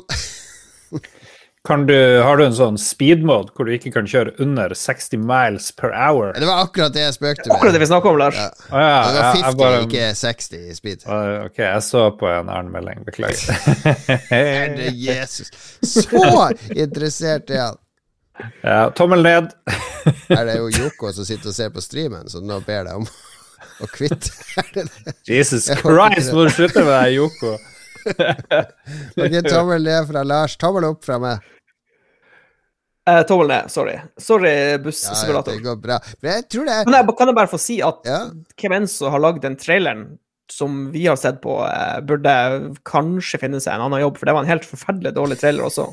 Men sånn simulatorspill, sånne tyske simulatorspill skal ha dårlige trailere. De skal okay, være veldig faktaorientert. You can do this, and you can do this, and you can do this, and there are 20 different routes, and there are 50 different buses, and there are 100 different passenger skins. Det skal være litt sånn oppramsende. Men det er faktisk Det er sykt mye Er det bare meg? Ja, 7. september, det er popping off, for det kommer også to spill til, og ett av de er Vampire The Masquerade Bloodhunt. Ja, og det, det husker jeg så på en av de E3-streamene. Stemmer det? Eh, Ja. Ja, ja, nytt som Vampire the Masquerade RPG Nei, det var Battle Royale, ja. Battle Royale. Battle Royale. Battle Royale. Why? Uh, jeg må innrømme, når jeg så den traileren, så tenkte jeg at det var sånn her uh, Left for Dead-aktige greier, eller noe asymmetrisk PVP eller et eller annet. Jeg tenkte ikke Battle Royale. Det var, ja, det var ikke engang på Battle Arket. Royale. Det, for det første, jeg har aldri likt Vampire the Masquerade, for det var et sånt rollespill vi skulle prøve. Det var så kult da det kom, eh, fordi det var intervju med The Vampire, og det var vampyrer var litt i vinden. Åh, nå skal vi være vampyrer. Og så var det egentlig ganske kjedelig å være vampyr. Og disse klanene, Bruja og Nosferatu og sånn. Toreador. Jeg, jeg klarte aldri å finne gløden i å være vampyr. Å være vampyr er jo dritkjedelig. Jeg vil heller bli zombie enn å være vampyr. Jeg har, eh, jeg har litt kjærlighet for World of Darkness. Eh, Vi hadde noe eh, Når jeg bodde i Trondheim, så var det en sånn rollespillklubb. Og da var det en ganske heftig Vampire-kampanje som jeg var med på en del. Og det, Ja. det var morsomt. Så Ja. jeg har spilt um, Det kom jo et sånn skikkelig Vampire the Masquerade-spill til PC som het Bloodlines, tror jeg, eller noe sånt. Ja. Husker ikke helt. Det er ganske gammelt. Eh, og det var faktisk eh, Det var janky som faen. Det var buggy, men det var et veldig kult spill. Så jeg er, liksom, jeg er klar for eh, flere Vampire-spill, men jeg føler at dette blir litt sånn feil retning å dra World of Darkness. Jeg tror ikke ha, Battle Real Er det ikke nok Battle Royale-spill? Det er mer enn nok. Det er jo litt artig tanke at vampyrer skal springe rundt og skyte hverandre i stedet for å bruke sånne enorme powers. Jo, men eh, det er jo det som er litt kult med Vampire the Masquerade, at det er jo liksom Du har noen som bruker eh, klør, og noen som bruker MP5, liksom. Du, du har begge deler. Jeg er vampyr. med, trepinne i og sånne ting. Ja. Ja, jeg er vampyr, jeg skal ligge og campe bak denne stolen. Her venter jeg, den 700 år gamle vampyren. Har for meg en Smith Wesson. Skal... Jeg hører at det blir tommel opp fra Lars. Ja, vet du hva? Um, jeg har gitt så mange tomler ned at jeg gir faktisk tommel opp til Bloodhunt. Jeg velger forsiktig optimisme. Kanskje klarer de å lage noe kult. Tommel ned fra meg. Se på meg, jeg er count, jeg har styrt et helt land, jeg har fått meg en granat! I never drink a healing potion. All right, det var dårlig. Var det tommel opp eller ned, Lars? Store tomler ned. To eh, tretomler rett ned i brystkassa på den vampyren. Ok, eh, 7. september. FIST heter det spillet. De, eh, de mer oppgående lytterne De klarer å sette det sammen og skjønne at det blir FIST, men det står for Det er en forkortelse for uh, hva, hva står det for, uh, Mats? Felines in stressful tangerines. Ok, ikke så langt Wow. unna. Forged in Shadow Touch Nei, Forged in Shadow Torch heter det. Okay. Et Metroidvania-spill der du er en, eh, en robot med et digert kaninhode. Eh, 2D Metroidvania. Lekker grafikk. eh, ser Ser veldig Metroid ut på traileren. Og kul Det er kult med sånne feline characters og furries og sånne ting. Eh, det er et eller annet som ikke sjarmerer meg med det. Jeg klarer ikke helt å sette fingeren på det. Hmm. Så ut som det er sånne der bullet hell-seksjoner. Plutselig så Ja. Hmm. Weird shit. Jeg skal gi deg en forsiktig tommel opp, for jeg liker 2D Metroidvania-klone. Og så liker jeg at det ikke er sånn pixel, eh, sånn Axiom Verge-grafikk. Så er det Se, se hvor retro spillet mitt ser ut! Eh!» Hey, I stedet så var det kult at det så ut som et Amiga-spill. Ja, det er ikke Han får lov, han får lov, for han, Han han får lov. gjorde det tidlig. Men det er så mange som skal ha den der retrostilen. Ja, og hva er det der greier med at du skal ha sånne snakkende kaniner all of a sudden? Alle skal ha dem. Det eneste jeg stussa litt på uh, i traileren, da, jeg vet ikke hvordan det er i spillet, men du har den der eh, hovedkaninen som du spiller. Han, han ser ut som en vanlig kanin. Og så var det en sånn damekanin, men hun hadde nesten som et sånn dameansikt. Hvorfor har ikke hun et vanlig kaninhode? Hvorfor skal dama være liksom heit? Det, ja, jeg syns det er litt eh, rart at det er forskjell på det. Så derfor får jeg gi tommel ned. De, må- de må se like ut. De er av samme rase. Urealistisk! Terningkast én! Ok, Lars, blir det din første tommel opp? Jeg vet jo at du er litt sucker for Metroidvania 2D og sånn. Jeg er veldig glad i Metroidvania, men de her uh, urealistiske kaninene uh, setter meg helt ut. Takk, og Lars. bare sammen, vi må stå sammen mot den her kaninbullshitten. Veldig bra. Det ble én tommel opp, to tomler ned. Og så har vi kommet til 10. september, Lost in Random. Og det er noe så sjelden som et Electronic Arts-spill. Og da hører dere si hva? Lager de noe annet enn Fifa og Madden og Battlefield? Men uh, de har en sånn indie-gren. Uh, det er jo de som har It Takes Two, for eksempel, og Unraveled, og uh, veldig Ganske polerte, bra indiespill. 90% av de kommer fra svenske utviklere, og det, jeg tror det her gjør det Til Lars sin store forargelse. jeg tror det her gjør det òg. Det er et spill der du har en companion. Det er masse sånn 3D fighting. Det ser litt ut som uh, en, en uh, Tim Burton, uh, sånn der animert dukkefilm. Ja, veldig, veldig Tim Burton. litt sånn lett horror, sånn som Little Nightmares og sånne ting. Og så har du en terning med, da, som er din companion. Så det, det virker som det er noe deckbuilding. de, har, de har lært litt fra Slay the Spire og sånne typer spill. Du skal bygge en dekk med ulike angrep og, og hmm. powers. Dekkbuilding uh, er jeg om bord. Tommel opp med en gang. det, ser, eh, det ser interessant ut, rett og slett. Ja. Jeg liker den visuelle stilen. Det ser veldig unikt ut. Mm. Ja, ser ut som sånn Little Nightmares-greier. Ja, det gjør det. Tim mm. Burton er jo veldig bra illustrasjon på det der. Hm.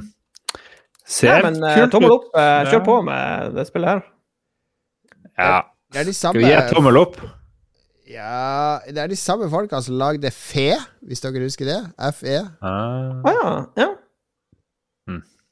Så jeg gir tommel opp fordi EA fortsetter å lage sånn her type spill. Uh, og så vet jeg også jeg vet, Kan jeg si det? Jeg kan vel si det. Jeg er ikke i spillbransjen lenger. Jeg vet at EA har, de har den beste sånn indie-avtalen av alle. For de skal bare recoupe det de har finansiert, og så går resten av pengene utelukkende til utvikleren. Så det er ja, sånn non-profit uh, Det er ingen andre Bra. som har det. Det er sånn non-profit-greier. Uh, og det er jo bare for å skaffe seg goodwill og ha sånne typer spill, men uh, det, det, er likevel bra. Er du indie og får en avtale med EA, det, den er gull verdt. Tøft. Irriterer meg litt det der kortdriten, at det skal liksom være inne i kampene. Men det her ser jo veldig bra ut. Tommel opp, tommel Første opp. tommel opp fra Lars! Jeg skulle hatt sånn soundboard, men jeg har bare musikk på, på vårt soundboard. Vi må få med Christian hvis vi skal ha applaus og sånn. Fire spill igjen. Vi kommer oss gjennom dette. Det var bra vi bare tok halve september, altså. Uh, tre spill igjen. WarioWare Get It Together kommer 10.9. på Nintendo Switch. Det kåra jo etter uh, en av mine tre vinnere fra årets reserve-etere. WarioWare-spillene er jo bare en samling. Det er over 200 minispill. Altså En variant der er at du alltid er Det er flere forskjellige spillbare karakterer, og de har helt forskjellig kontrollsystem. Så det samme spillet må du takle på ulike måter, avhengig av hvem du er. Eksempel det er en karakter som kan hoppe, så da må du løse det ved å hoppe. Det er en som kan skyte, bare til høyre, f.eks. Da må du løse det på den måten. det, det blir en sånn, ja, det er sånn vill mølje, basert på hvilket party du tar med deg, og hvem som blir kasta inn i minigamet. Og så er det alltid sånn at du har jeg spilte demoen, den er ute på Switch. Det er alltid sånn at du har bare sånn fem sekunder på å klare minigamet, så du må umiddelbart skjønne hva du skal gjøre, og gjøre det. Ja, jeg, det der er Nintendo er min store akilleshæl. Jeg har ikke noen Nintendo-plattformsak og greier ikke helt å uh, bry meg om det. Så ja, jeg beklager, men uh, jeg må gi en uh, sur tommel ned. Jesus lord. Eh, det var jo veldig artig da jeg spilte det på sånn 3DS og sånt, eller hva det nå het for noe. Ja. Back in the days. Det var jo det. Ja, ja. Jeg tommel opp, da, for guds skyld. Ja, det er bra, Lars. Det er bra, Lars. Unnskyld alt jeg har sagt om dama di. Tommel opp fra meg og To tomler opp og en surmaga tommel ned for WarioWare. Men det er, bare for jeg, det er bare for jeg er ignorant og ikke vet bedre. Ja, det er ærlig sak. Ærlig sak. Så 10. september, nå er vi mer i Mats' territorium. For Life Is Strange, True Colors. Husker dere den Cindy Lauper-låten fra 90-tallet? True Colors Fantastisk sang. Fantastisk sang. Jeg tror ikke de har lisensiert den til dette spillet. Det ser meget ut som Life Is Strange, de tidligere spillene. Det er et helt nytt spill i Life Is Strange-serien. Ja, helt nye karakterer. Og nye karakterer, og har vel en ny overnaturlig kraft, virker det som. Og det Jeg tenker superkult for en generasjon som kommer etter meg, hvis de omfavner disse narrative spillene. For de er, de er ikke laga for meg på noen som helst måte. Jeg likte Life Is Strange. Men sånne type eventyrspill orker jeg ikke lenger, rett og slett. Jeg tror at superkrefter Jeg vet ingenting om det her, men det er å gå på Twitter og klage over hvor kjipt du har det. Så dårlig, Men krenka, krenka superpower. Kan du sende meg penger? Jeg føler meg ikke bra. Det er sånn det er på Twitter nå for tida. Ja. Ikke at det er noe galt med det. Nei. Nei, jeg har um, Jeg tror litt jeg er litt der med Jon Cato. Jeg vet ikke om det her spillet er laget helt for meg, men uh, ja. Jeg, ja. Jeg kommer heller til å være opptatt med å spille Vampire the Masquerade Bloodhunt. Ja. Ja, det var noe søtt med første Life is Strange, men så blir det Det er sånn det her spill prøver liksom å være en sånn TV-serie veldig mye. Altså ha et sånn manus og narrativ og folk du skal bry deg om, men det når ikke gode TV-serier opp til knærne. Det blir litt sånn mitt problem. Så da de sikter for mye mot uh, Vi skal ha et sånn sterkt narrativ som du bryr deg om, og så blir det helt feil, for det må være mer spill og mindre Mindre ja, Men, påtatt eh, narrativ. Det som er så bra, er at vi kan jo se på eh, streamen til han Christian når han spiller Life is Strange True yeah. Colors, og leve spillet gjennom han. For han er jo stor fan. Det gleder vi oss til. Nei, da blir det tre tomler ned fra oss, rett og slett. Ja, brutalt, men eh, det er sånn som skjer. Ja, sånn er det når eh, tre menn over 40 skal bedømme Men produktet for ungdom. Seks dager etterpå, 16. september, så kommer noe jeg tror blir det kuleste spillet i 2021. Ja, nå spill- snakker vi spill for menn over 40.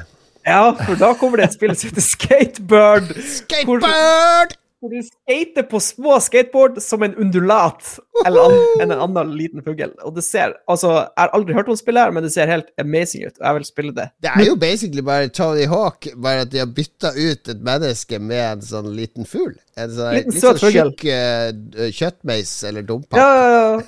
Det Så kan du jævlig flakse Ja, med men- vingene for å fly litt høyere. Det er jo kult. Ja, og så um, er det liksom litt sånn skalakorrekt. For du er liksom Du er en liten fugl, så det er liksom Du drar inne på kontorer suser ned sånne her ramper de har satt opp på en skrivepult og under en stol og Ja, jeg tror det kan eh, være stor moro.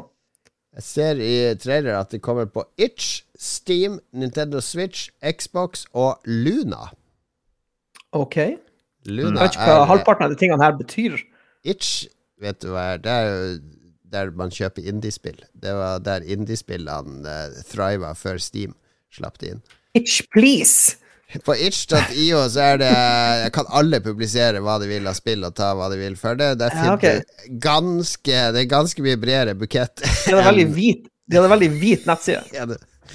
Eh, Du finner, du finner helt vilt mye rare spill som tar opp helt vilt mye tabu tema, hvis du har lyst til å, til å gå, uh, grave deg ned i det hølet. Steam okay. vet vi hva er, Switch vet vi hva er, Xbox vet vi hva er, men Luna er jo Amazon sin nye spillstreametjeneste, så jeg visste ikke at den var oppe og kjøre engang. Er den oppe? Eh, Det står jo at det kommer på Luna. Luna, men det er ikke sikkert Luna er ute. Men det- det er kanskje bare at de har en avtale med Amazon og har fått noe finansiering fra de at de skal ut på Luna. Amazon Luna. Amazon Luna. Nå skjønner du hvorfor han Bezos vil til månen. Luna. Ja. Han har laga Luna, vet du. Han må opp dit for for å reboote serveren. Alt, alt, alt henger i hop. Vi stopper der på 16. september, og så får Ja. du eh, om, om to episoder Annenhver episode så skal vi ta for oss hva som skjer de to neste uker. For det er såpass mye spennende som skjer, selv om det blir mye tommel ned denne gangen. Jeg gir denne spalten tommelen opp.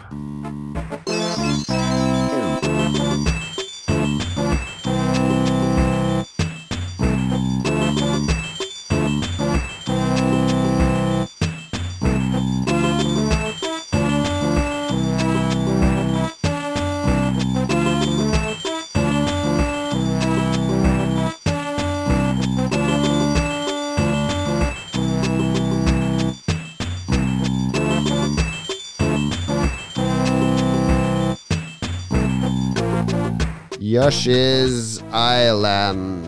der er klassisk Super Nintendo-spill. Akkurat den musikken var faktisk fra Gameboy Advanced-versjon av Yoshi's Island. For konnoissørene der ute. En uten tvil den beste Yoshi's Island-versjonen, eh, Jeg vil si, som jeg vil si at den stiller sterkt Eller var det DS-versjonen? Jeg blander. jeg blander Vi skal anbefale noe. Å, shit! Jeg, jeg har en ganske sånn dårlig anbefaling. Skal jeg gå først? Ja. Ok, Husker dere jeg teasa litt i introen om at jeg har gjort noe siden sist som blir en anbefaling? Ja, ja, ja, ja, ja, ja. Og jeg har lyst til å anbefale Lego som konsept. Jesus lord. Jeg Nei, men jeg skal, ok, har, her, er, blir en liten, her blir en liten treat til de som ser på streamen, for dette bygde jeg i går. Det er da hjelmen eh, ja. til Boba, Boba Fett. Jeg fikk den i eh, Wow. bursdagsgave hos eh, noen kompiser. Ja. Jeg ble jo 40 år, så fikk jeg denne i bursdagsgave. Det er nesten 700 deler. Og til de som ikke ser på streamen og hører på på Spotify, så er det da ja, en eh, Jeg vet ikke hvilken skala er det her. Én til fire? Én til tre? Én til to? Jeg vet ikke. Ja, det er nesten en eh, Det er en stor hjelm. Ja. Eh, Star Wars-hjelm. Eh, Boba og da, Fett. og da Boba eh, fant jeg min, min indre unge igjen. For det var utrolig Ja. jeg, satt, jeg satt i går i Det tok jeg vet ikke, to timer, kanskje? En og en halv time. Mhm. Og jeg storkoste meg. Det var kjempeartig. Satt, det var som meditasjon. Satt bare og så, For det var liksom fem poser med deler, og så var det en sånn stor manual som du bare jobba deg gjennom. Og det var utrolig artig, for de har liksom Man tenker liksom ja, ja, du skal bare bygge en sånn stor klump. Da det har jo ikke noe å si hva som er inni, på en måte, for det vises jo ikke. Men de har liksom tatt seg, de som har designa den her, har liksom tatt seg god tid til å liksom lage den robust.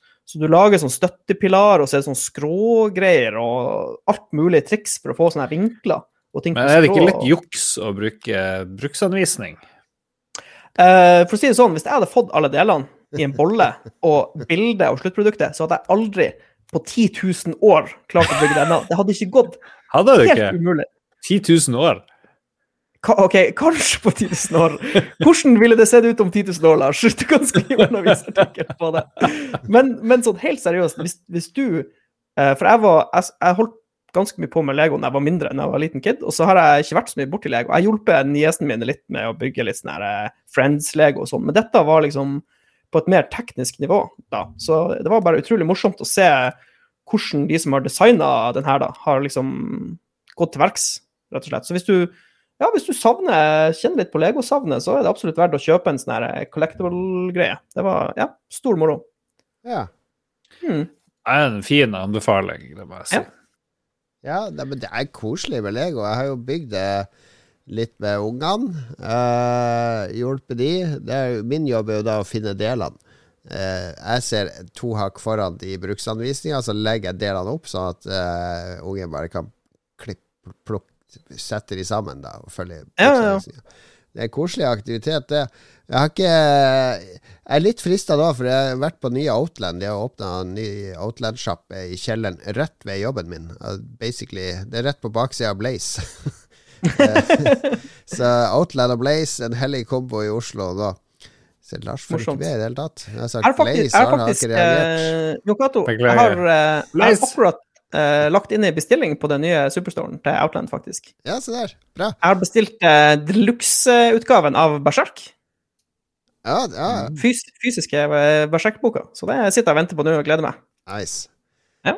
Uh, nei, men det, det de har fått der på Lego-front, det er jo svær Lego-avdeling der med mye gøy. De har fått sånn der eh, eh, blomster. Lego. Et bonsai-tre som jeg ble veldig frista av. Ja, et bonsai-tre du bygger av Lego. Det ser helt sånn realistisk ut. Eh, det er bare å søke på bonsai Lego og se. Eh, den frister veldig. Det ser veldig Ja, ja. For det, det, du bygger hele skåla, det er en sånn liten plattform det skal stå på, og en skål, altså det treet som skal bygges opp. Veldig små brikker og sånn. Så Ja, for, det- for det, var, det var en ting jeg likte veldig godt med denne. fordi Du bygger, du bygger pedestallen, og du bygger alt. Og det er veldig mange sånne små biter. Og så det, det som også var veldig morsomt, var at alle delene som er inni hjelmen, som du ikke ser, så har de masse forskjellige farger og former og fasonger som de egentlig ikke trengte å, å gjøre. Men eh, siden La oss si eh, du bare på et tidspunkt ja, så bare demonterer du den, og så gir du bort delene, så har jo hvem som får delene, de har masse forskjellige deler liksom, som du kan bruke. Det er jo det, er det som er Lego-essensen, føler jeg. Ja. Og en annen ting de har der som jeg også fikk veldig lyst på, de har en Lego skrivemaskin. Altså en skrivemaskin du Oh. bygger ut av Lego. Uh, Og alt det her på Blaze, det er jo fantastisk. Ja, hva de ikke får Den er på Outland, men den, eh, den, den er en ekte skrivemaskin, da. Bortsett fra at den er bygd av Lego. Men, eh, men den er, treet er ganske billig, så det er frista til å kjøpe. Skrivemaskinen koster jo over 2000, men de ser så fete ut. Det ser så gøy ut å, å lage de. Ja, nei, jeg har det. Det er noe med Lego jeg ikke klarer å eh, legge helt fra meg. Ja, jeg ser den. Ser den.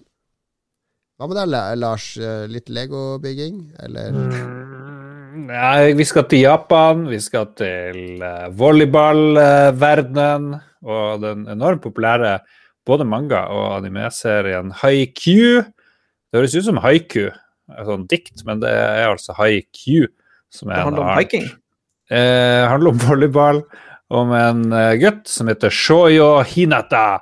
Som er Han er sånn A65 høy, men har drøm om å bli eh, liksom supervolleyballspiller. Og så har, trener han opp og får sånn enorm spenst og ditt og datt. Og eh, gjør stor karriere i, hva, hva dette, på videregående. An animert eller manga, eller Begge deler. Begge okay, deler. Eh, mangaen er ferdig, virker det som. Var ferdig i fjor. Mens eh, animeen har gått i fire sesonger. Jeg Jeg går, ut- jeg går ut fra det er sånn enorm twist. Det er ikke bare volleyball. sett, og du har sett mer enn én episode nå, håper jeg? Jeg driver og nærmer meg slutten av sesong fire, og så fant ut at det var ikke noe Oh, mer. shit. Jeg har sett som fan. Det, jeg har aldri sett så okay. mye anime. Hva Jeg er det måtte jo betale. Du er ikke noe anime-mann. Hvorfor, hvorfor feiga den, da? Han har jo vært Det var jo anime. Om- av og på. Ja, likte jo litt Urutsuki Doji og litt På tentakelporno. 90-tallet, også da vi oppdaga Ghibli, ikke sant, det var magisk. Og så begynte Ja. man å skulle se sånne serier, og det var jo så mye søppel. Det, det er Ja, men så det fins mye bra. Ja. Jeg, jeg så uh, sesong én og tre av Attack on Titan, og det er helt uh, Det er dritkult. Attack on Titan likte jeg, og så hadde jeg hørt om den volleyballserien, og i mitt hode så resonnerte det noe i meg. Jeg har lyst til å se volleyball-anime, og det, det har ligget i flere år, det ønsker jeg, og nå har jeg endelig sett det. Og det var jo perfekt, for nå har de liksom gjort ferdig en slags syklus, tror jeg, med den fjerde sesongen, så da får jeg med meg noe greier. Det er ikke bekrefta noe femte sesong, men det er jo, det blir litt sånn, Hvis du ser for mange episoder i ett, så blir det veldig mye eh, taktikk, og det er sykt mye ute på volleyballbanen. Veldig mange turneringer. Det er som å spille rollespillet RPG eh, Street Fighter. Det er turnering etter turnering, og det er ikke så mye variasjon, kanskje. Ja. Eh, litt drama på kanskje utafor turnering òg, men det er mye bra karakterer. Alle volleyballagene har sin, er sin egen eh, kreatur, på et vis. Det ene laget er kjempegod på å blokke, det andre laget har litt sånn der eh, bare partygjengen. Det er litt sånn, ja, morsom sjarm i hvert eneste lag de møter det her, eh, Ja, ja, ja. det er Jeg, folka. jeg må er- jo innrømme noe jeg alltid har likt med manga og anime, at de kan klare å lage 200 timer eller 200 tegneseriehefter om ett sånt konsept. Altså, en kokk Jeg skal bli verdens beste sushikokk, liksom. Det, det kan du tegne 200 episoder av. Eh, Det er jo, hver, hver spiller på laget du følger, får gjerne sin historie, og, men også motstanderlaget får du gjerne liksom backstories på okay, flashbacks. Da. Jeg har ett siste, et siste spørsmål. Han hovedkarakteren, er han nylig overflytta til sko en ny skole, eller noe sånt? Er han helt ny på skolen? er han keitete overfor det motsatte kjønn? Ja, det er litt minus. Alle driver og sikler på alle damer som kommer Ja, i nærheten. Det er bare 'Å, jeg vil gifte meg med deg!' Nei, ja, alle er førsteklassinger, så nei, han har ikke flytta skole. Eller han begynner jo på en ny skole, så du fikk egentlig rett. der. Yes. Haiku, utrolig bra animeserie. Se den på Crunchyroll. Magisk. Shit, jeg elsker det. Det er dritbra. Sony har jo kjøpt eh, Crunchyroll nå, Ja. Har de det? Ja, Ja. faktisk. Ja. Så det blir vel uh, bra fusjon med PlayStation. Han uh, tolvåringen min sitter og ser på Crunchyroll hele tida. Ja, jeg vil gjerne ha tips hvis det er noen uh, lyttere som har bra Crunchyroll-anime-tips. Så vil jeg gjerne ha det. Nå åpner du en dør ned i den dypeste avgrunnen. eh, Ja, ja.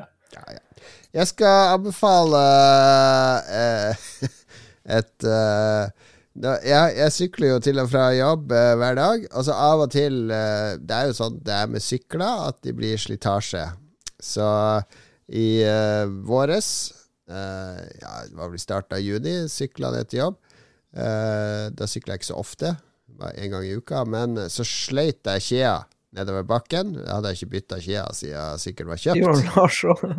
Ja, det skjer eh, etter et år cirka med bruk. Eh, sleit skia, så trilla nedover, så bare åh, nå er det arbeidsdag full av møter, så er det en sykkel som ikke funker. Så må jeg få den på et eller annet verksted. Altså Borti gata for der vi bor, så er Oslo Sportslager. Og der har jeg hatt på service før. Men de er, de er så sure. De veldig Jeg håper de ikke hører på podkast, men jeg synes hver gang jeg er på verkstedet der, de er veldig sånn arrogante. Jeg føler meg ikke velkommen. Det er ikke Sånn sånn elitisk Å, en ny sykkel! Å, kul sykkel! Ja, den skal vi fikse. Det er sånn der uh, Jeg har ikke tid. Har du bestilt time? Ok, vi kan ta en titt. Det, det er Er det bike-nazi? Ja, det er litt eh, De, de er store, ikke sant? De har de gigasvært sykkelverksted, alle bruker de, så de, de, da blir du litt sånn der eh, blasert, kanskje. Så jeg tenkte ok, jeg kan dra dit, men så tok jeg opp Google Maps og så bare søkte jeg på sykkelverksted, for da var jeg nede i Bjørvika, altså det, der alle de nybyggene er, der du også har hengt, Lars, med operaen og alt der. Mm. Og så så jeg Hei, to kvartaler ned så er det et inni en sånn bakgate inni Barcode her. Så er det noe som heter På hjul. Så jeg trilla sikkert bort dit, og så eh, var det tidlig på morgenen, akkurat åpna. Unnskyld, har du mulighet til å, å sette på et litt kjede til meg i dag? Nei, det er fullbooka, men eh, vi kan se om vi klarer å smette den inn. Bare sett den der, så, så legg igjen telefonnummeret. Og jaggu Ja. gjorde de ikke det. Og nå hadde jeg et problem med bremsa eh, forrige uke. Eh, Forbremsa begynte å lage mye støy og ble veldig varm.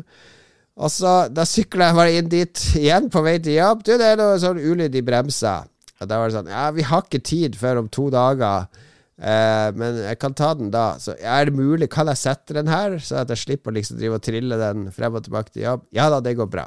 Og da fiksa de bremsa, tok en full overhaling, og det, det er sånn Drop-in Drop-in fins jo ikke lenger for å reparere ting. Alt skal jo bookes i huet og ræva på forhånd. Men at de faktisk gir rom for det, det syns jeg fortjener en applaus i dag. Så på hjul sykkelverksted, det er Ja. drevet av Kirkens Bymisjon. Eh, det er folk som har vært på skråplanet eller slitt med rus eller andre ting, som har fått en sjanse til å jobbe der. Og super service! Bruk de. Bruk de hvis du er i Oslo. Jeg anbefaler varmt. Tøft. Mm. Ja, jeg liker, jeg liker den anbefalinga. Ja, P-A-A-H-J-U-L. Pajul heter det på Facebook. Så jeg, jeg, ble, jeg blir glad av å prate om det. Jeg gleder meg til neste gang sykkelen min blir ødelagt, så jeg trenger noe service, rett og slett. Halleluja!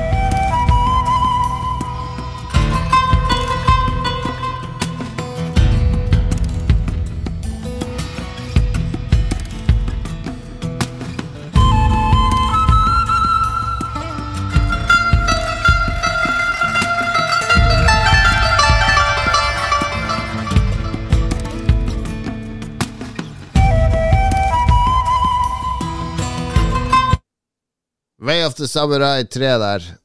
Det ble så klisjé at jeg bare stoppa den eh, hardt. Så bare, vi må klimpre litt på gitaren, vi må ha litt fløyte, altså litt sånn du, du, du, du, du, du. Så blir det liksom eh, orientalsk, japansk med en gang. Er det gitar? Si det er en sånn rar gitar de har. En sånn der eh, litt Ja. mandolin, er det det det heter?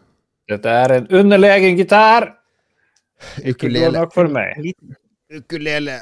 Nå er du klar med lytterspalten, Lars?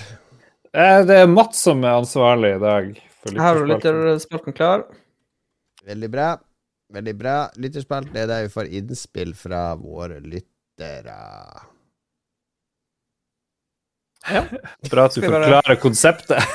Så Bare gi, gi Mats litt tid til å Eh, finne vi, det som har kommet eh, inn. vi, sp- vi spurte enkelt og greit eh, om at vi skulle snakke om eh, spill som kom ut i september, og så spurte jeg folket om det var noe som fenga, Oh. eh, og ble øyeblikkelig hengt ut for at jeg ikke hadde store bokstaver i Det nådeløs, nådeløs lyttere våre. For det er Marius. Men, eh, Marius tar- Sletten som sier at Hvorfor klarer du ikke å skrive med stor forbokstav i starten av Ja, jeg er blitt så gammel, jeg er over 40 år, jeg må bruke stor forbokstav. Men jeg, jeg tar eh, Altså, jeg kan forklare eh, hvorfor jeg skrev med små bokstaver. Og det var fordi å være veldig uformell og ikke skremme bort noen. Jeg ville at det skulle være veldig sånn rolig stemning, at alle kunne si det de ville. Ingen dumme spørsmål. Ja. Men uh, jeg innser at uh, min taktikk ikke gikk helt uh, du veien. burde lagt inn noen skrivefeil òg, for da blir de som ikke er så gode på rettskriving da, Du senker terskelen for de òg. Ah. Ok, her er det Ja, lov for meg har- å, å Det bidra. er et bra tips til neste gang, Jon Cato. Da skal vi få inn litt skrivefeil også.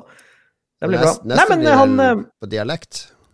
eh, ja, Det anbefaler jeg. for, for å bare få meg ekstra mange venner. Nei, han, eh, han Marius Alnes Sletten eh, nevner for øvrig at eh, han syns Deathloop ser kult ut. Men nå nå er vi vel kommet lenger ut enn 16.9, sikkert. Ja da, ja da, men det skal du ikke og, og eh, Ja, det skal komme 14. september. Hæ? får ta det med neste gang. Det sto ikke på lista mi. Ja, men da må vi Da må vi Ja.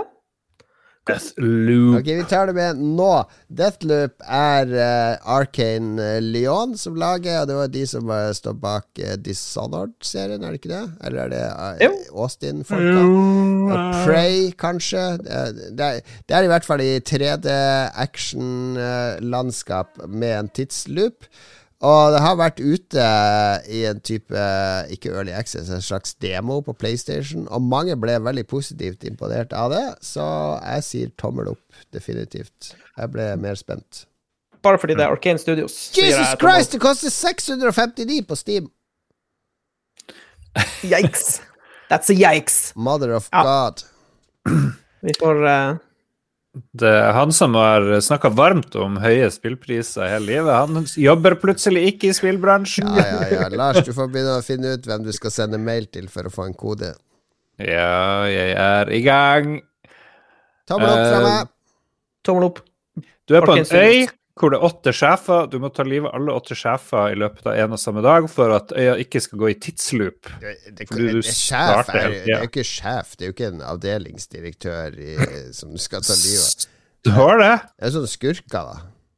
Kommunesjefer, akkurat sånn som Jon Cato. Du skal ta livet av dem. Fordi de driver og kritiserer kjæresten din. Jeg tipper det er handlinga. Jeg har sagt unnskyld! Fortjener å dø, alle sammen. Okay. Alle åtte sjefene Ja, hvor gir du tommelen til dette kommunesjef-drapsspillet? Tommel opp. Syns jeg er et fantastisk konsept. Mats?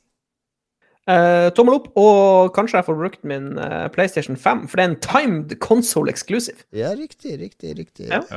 Men det kommer på PC samtidig, da. Så det er ikke OK, ja, men da blir det PC. det er ikke Console exclusive betyr bare Ja, at de andre konsollbøndene Ja, det ikke kan nyte av det. så tenk, tenkte feil. Ja. Ja.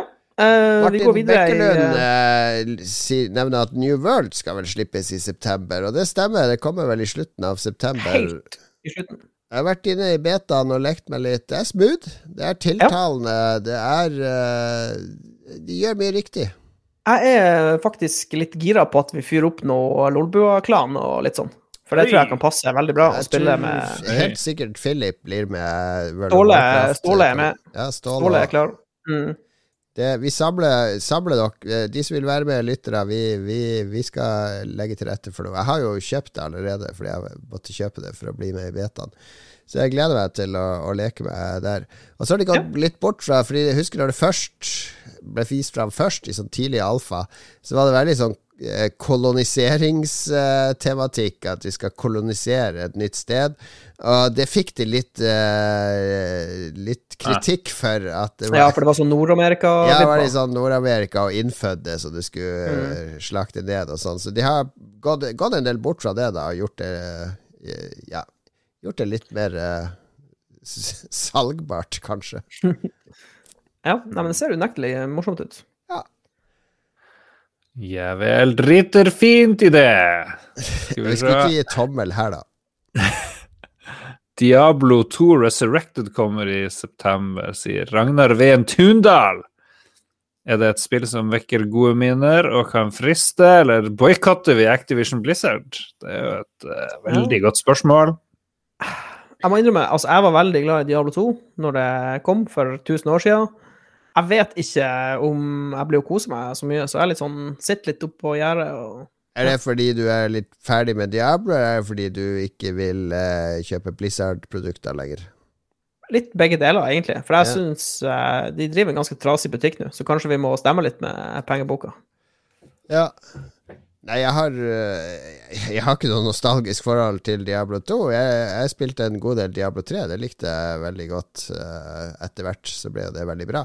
Men uh, det er ikke noe, er ikke noe som tiltaler meg med å gjenbesøke det spillet der. Hmm.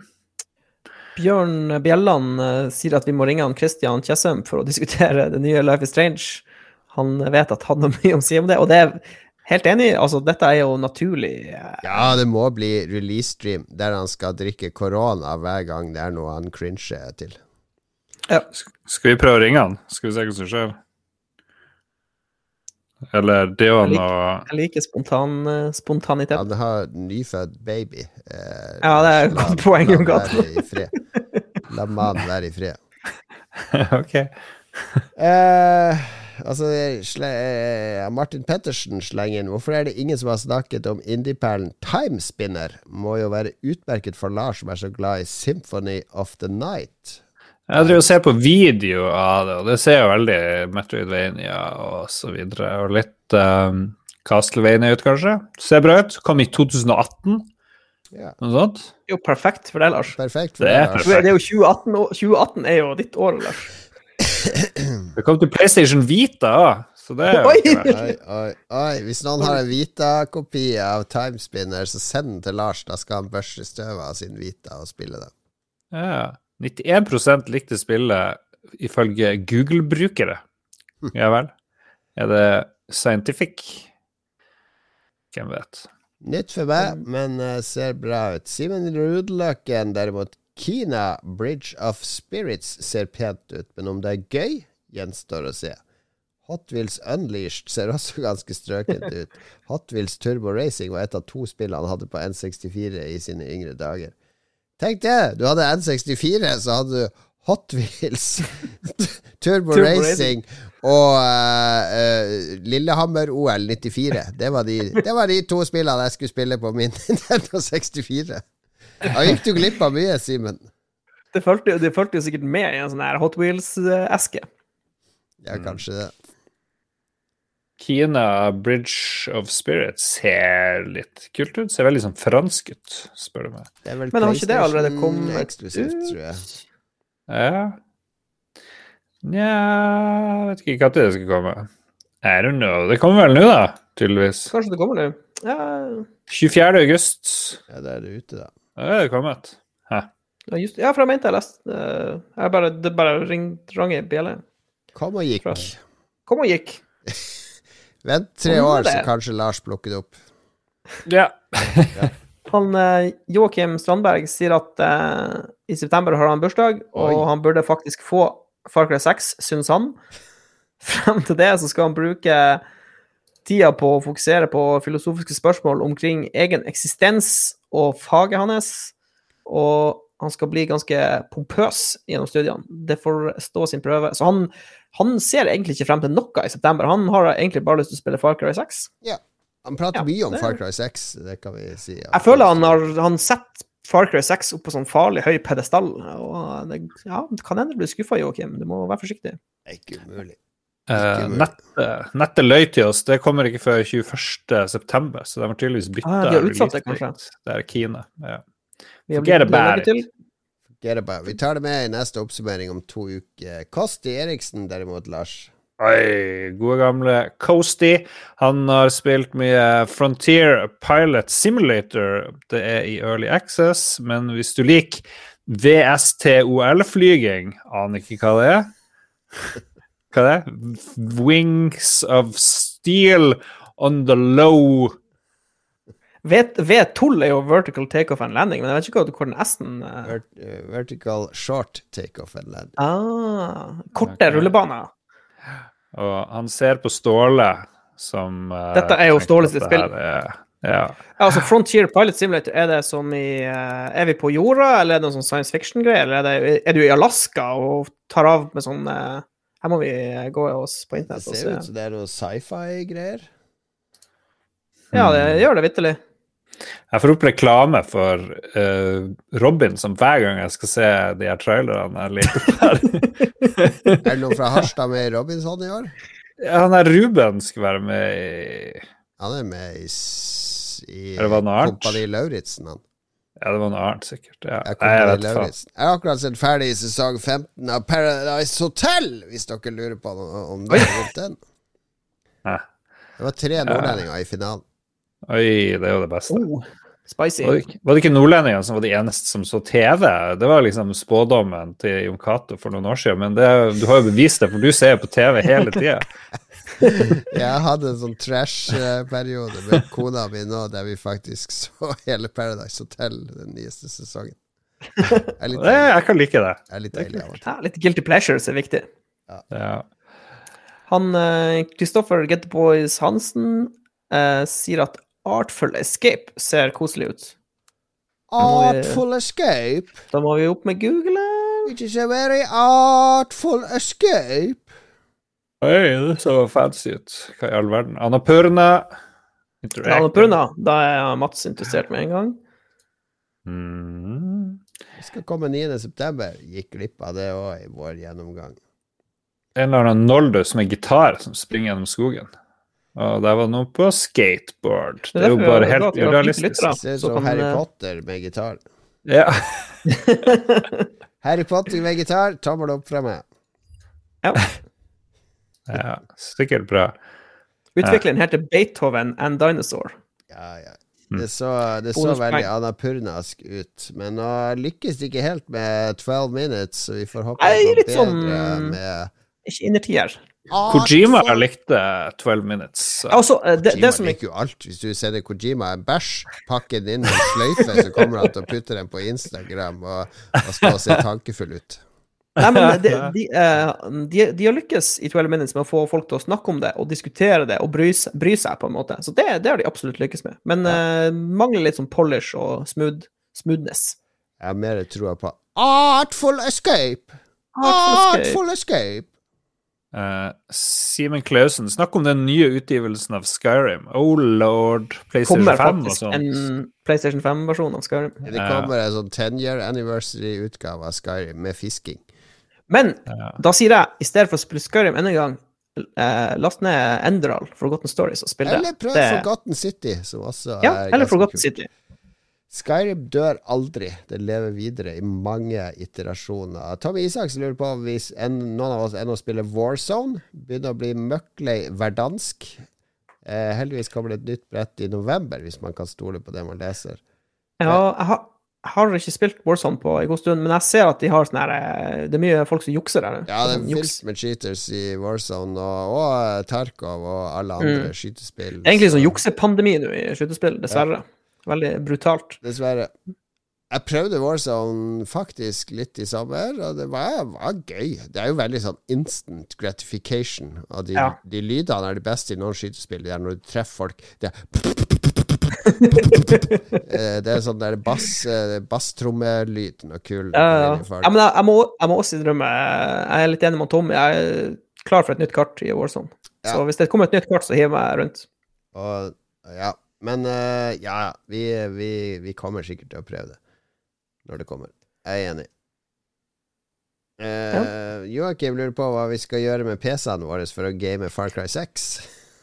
Må vi gjøre noe med dem? klar for å klargjøre dem. Mm. Han vil bare at vi skal snakke om Far Cry 6, han der fyren der, altså. Ja, han er besatt av Far Cry 6. Det er det som foregår i Cuba, med han der uh, bad guyen fra, fra Breaking Bad.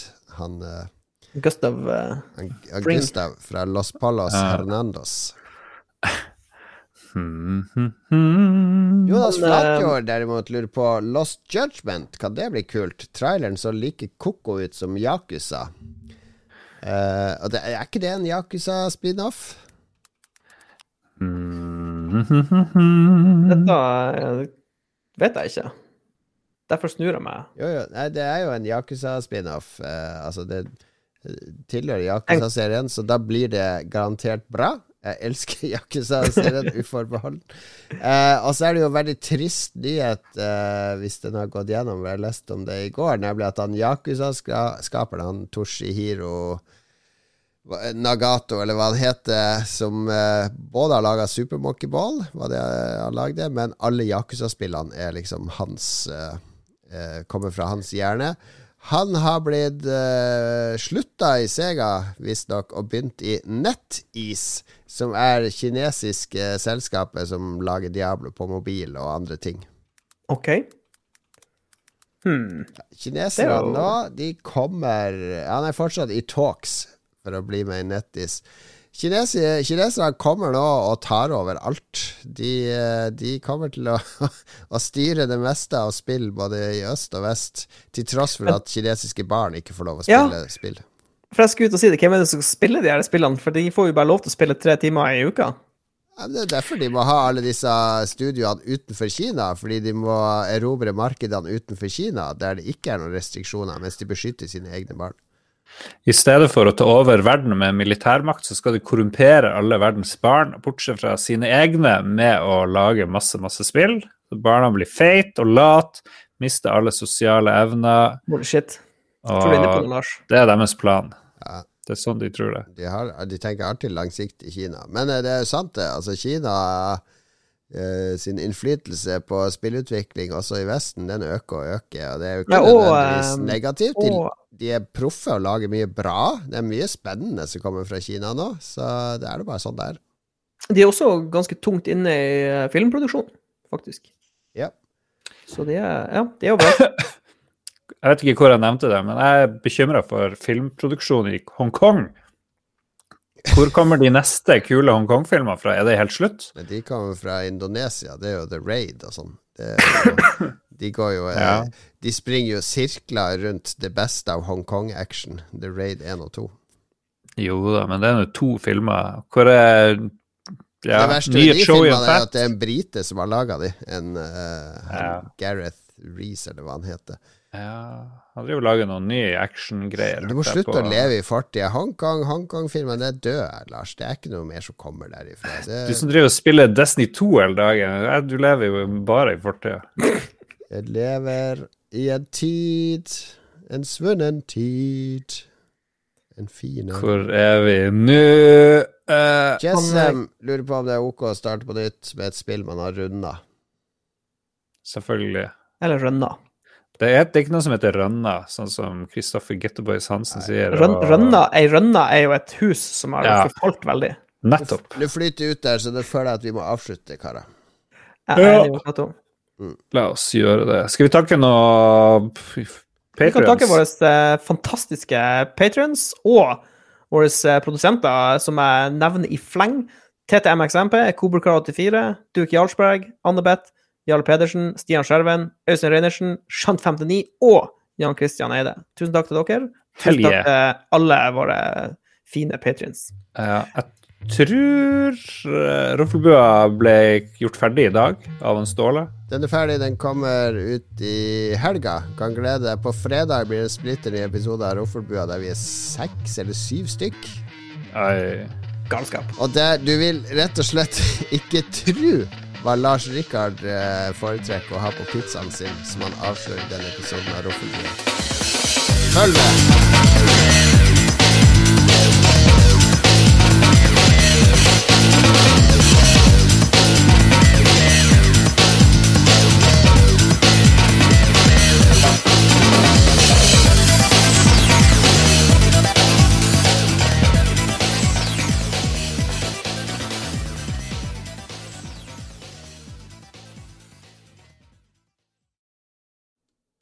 Har du et enkeltpersonforetak eller en liten bedrift? Da er du sikkert lei av å høre meg snakke om hvor enkelt det er med kvitteringer og bilag i fiken, så vi eh, gir oss her, vi. Fordi vi liker enkelt. Fiken superenkelt regnskap.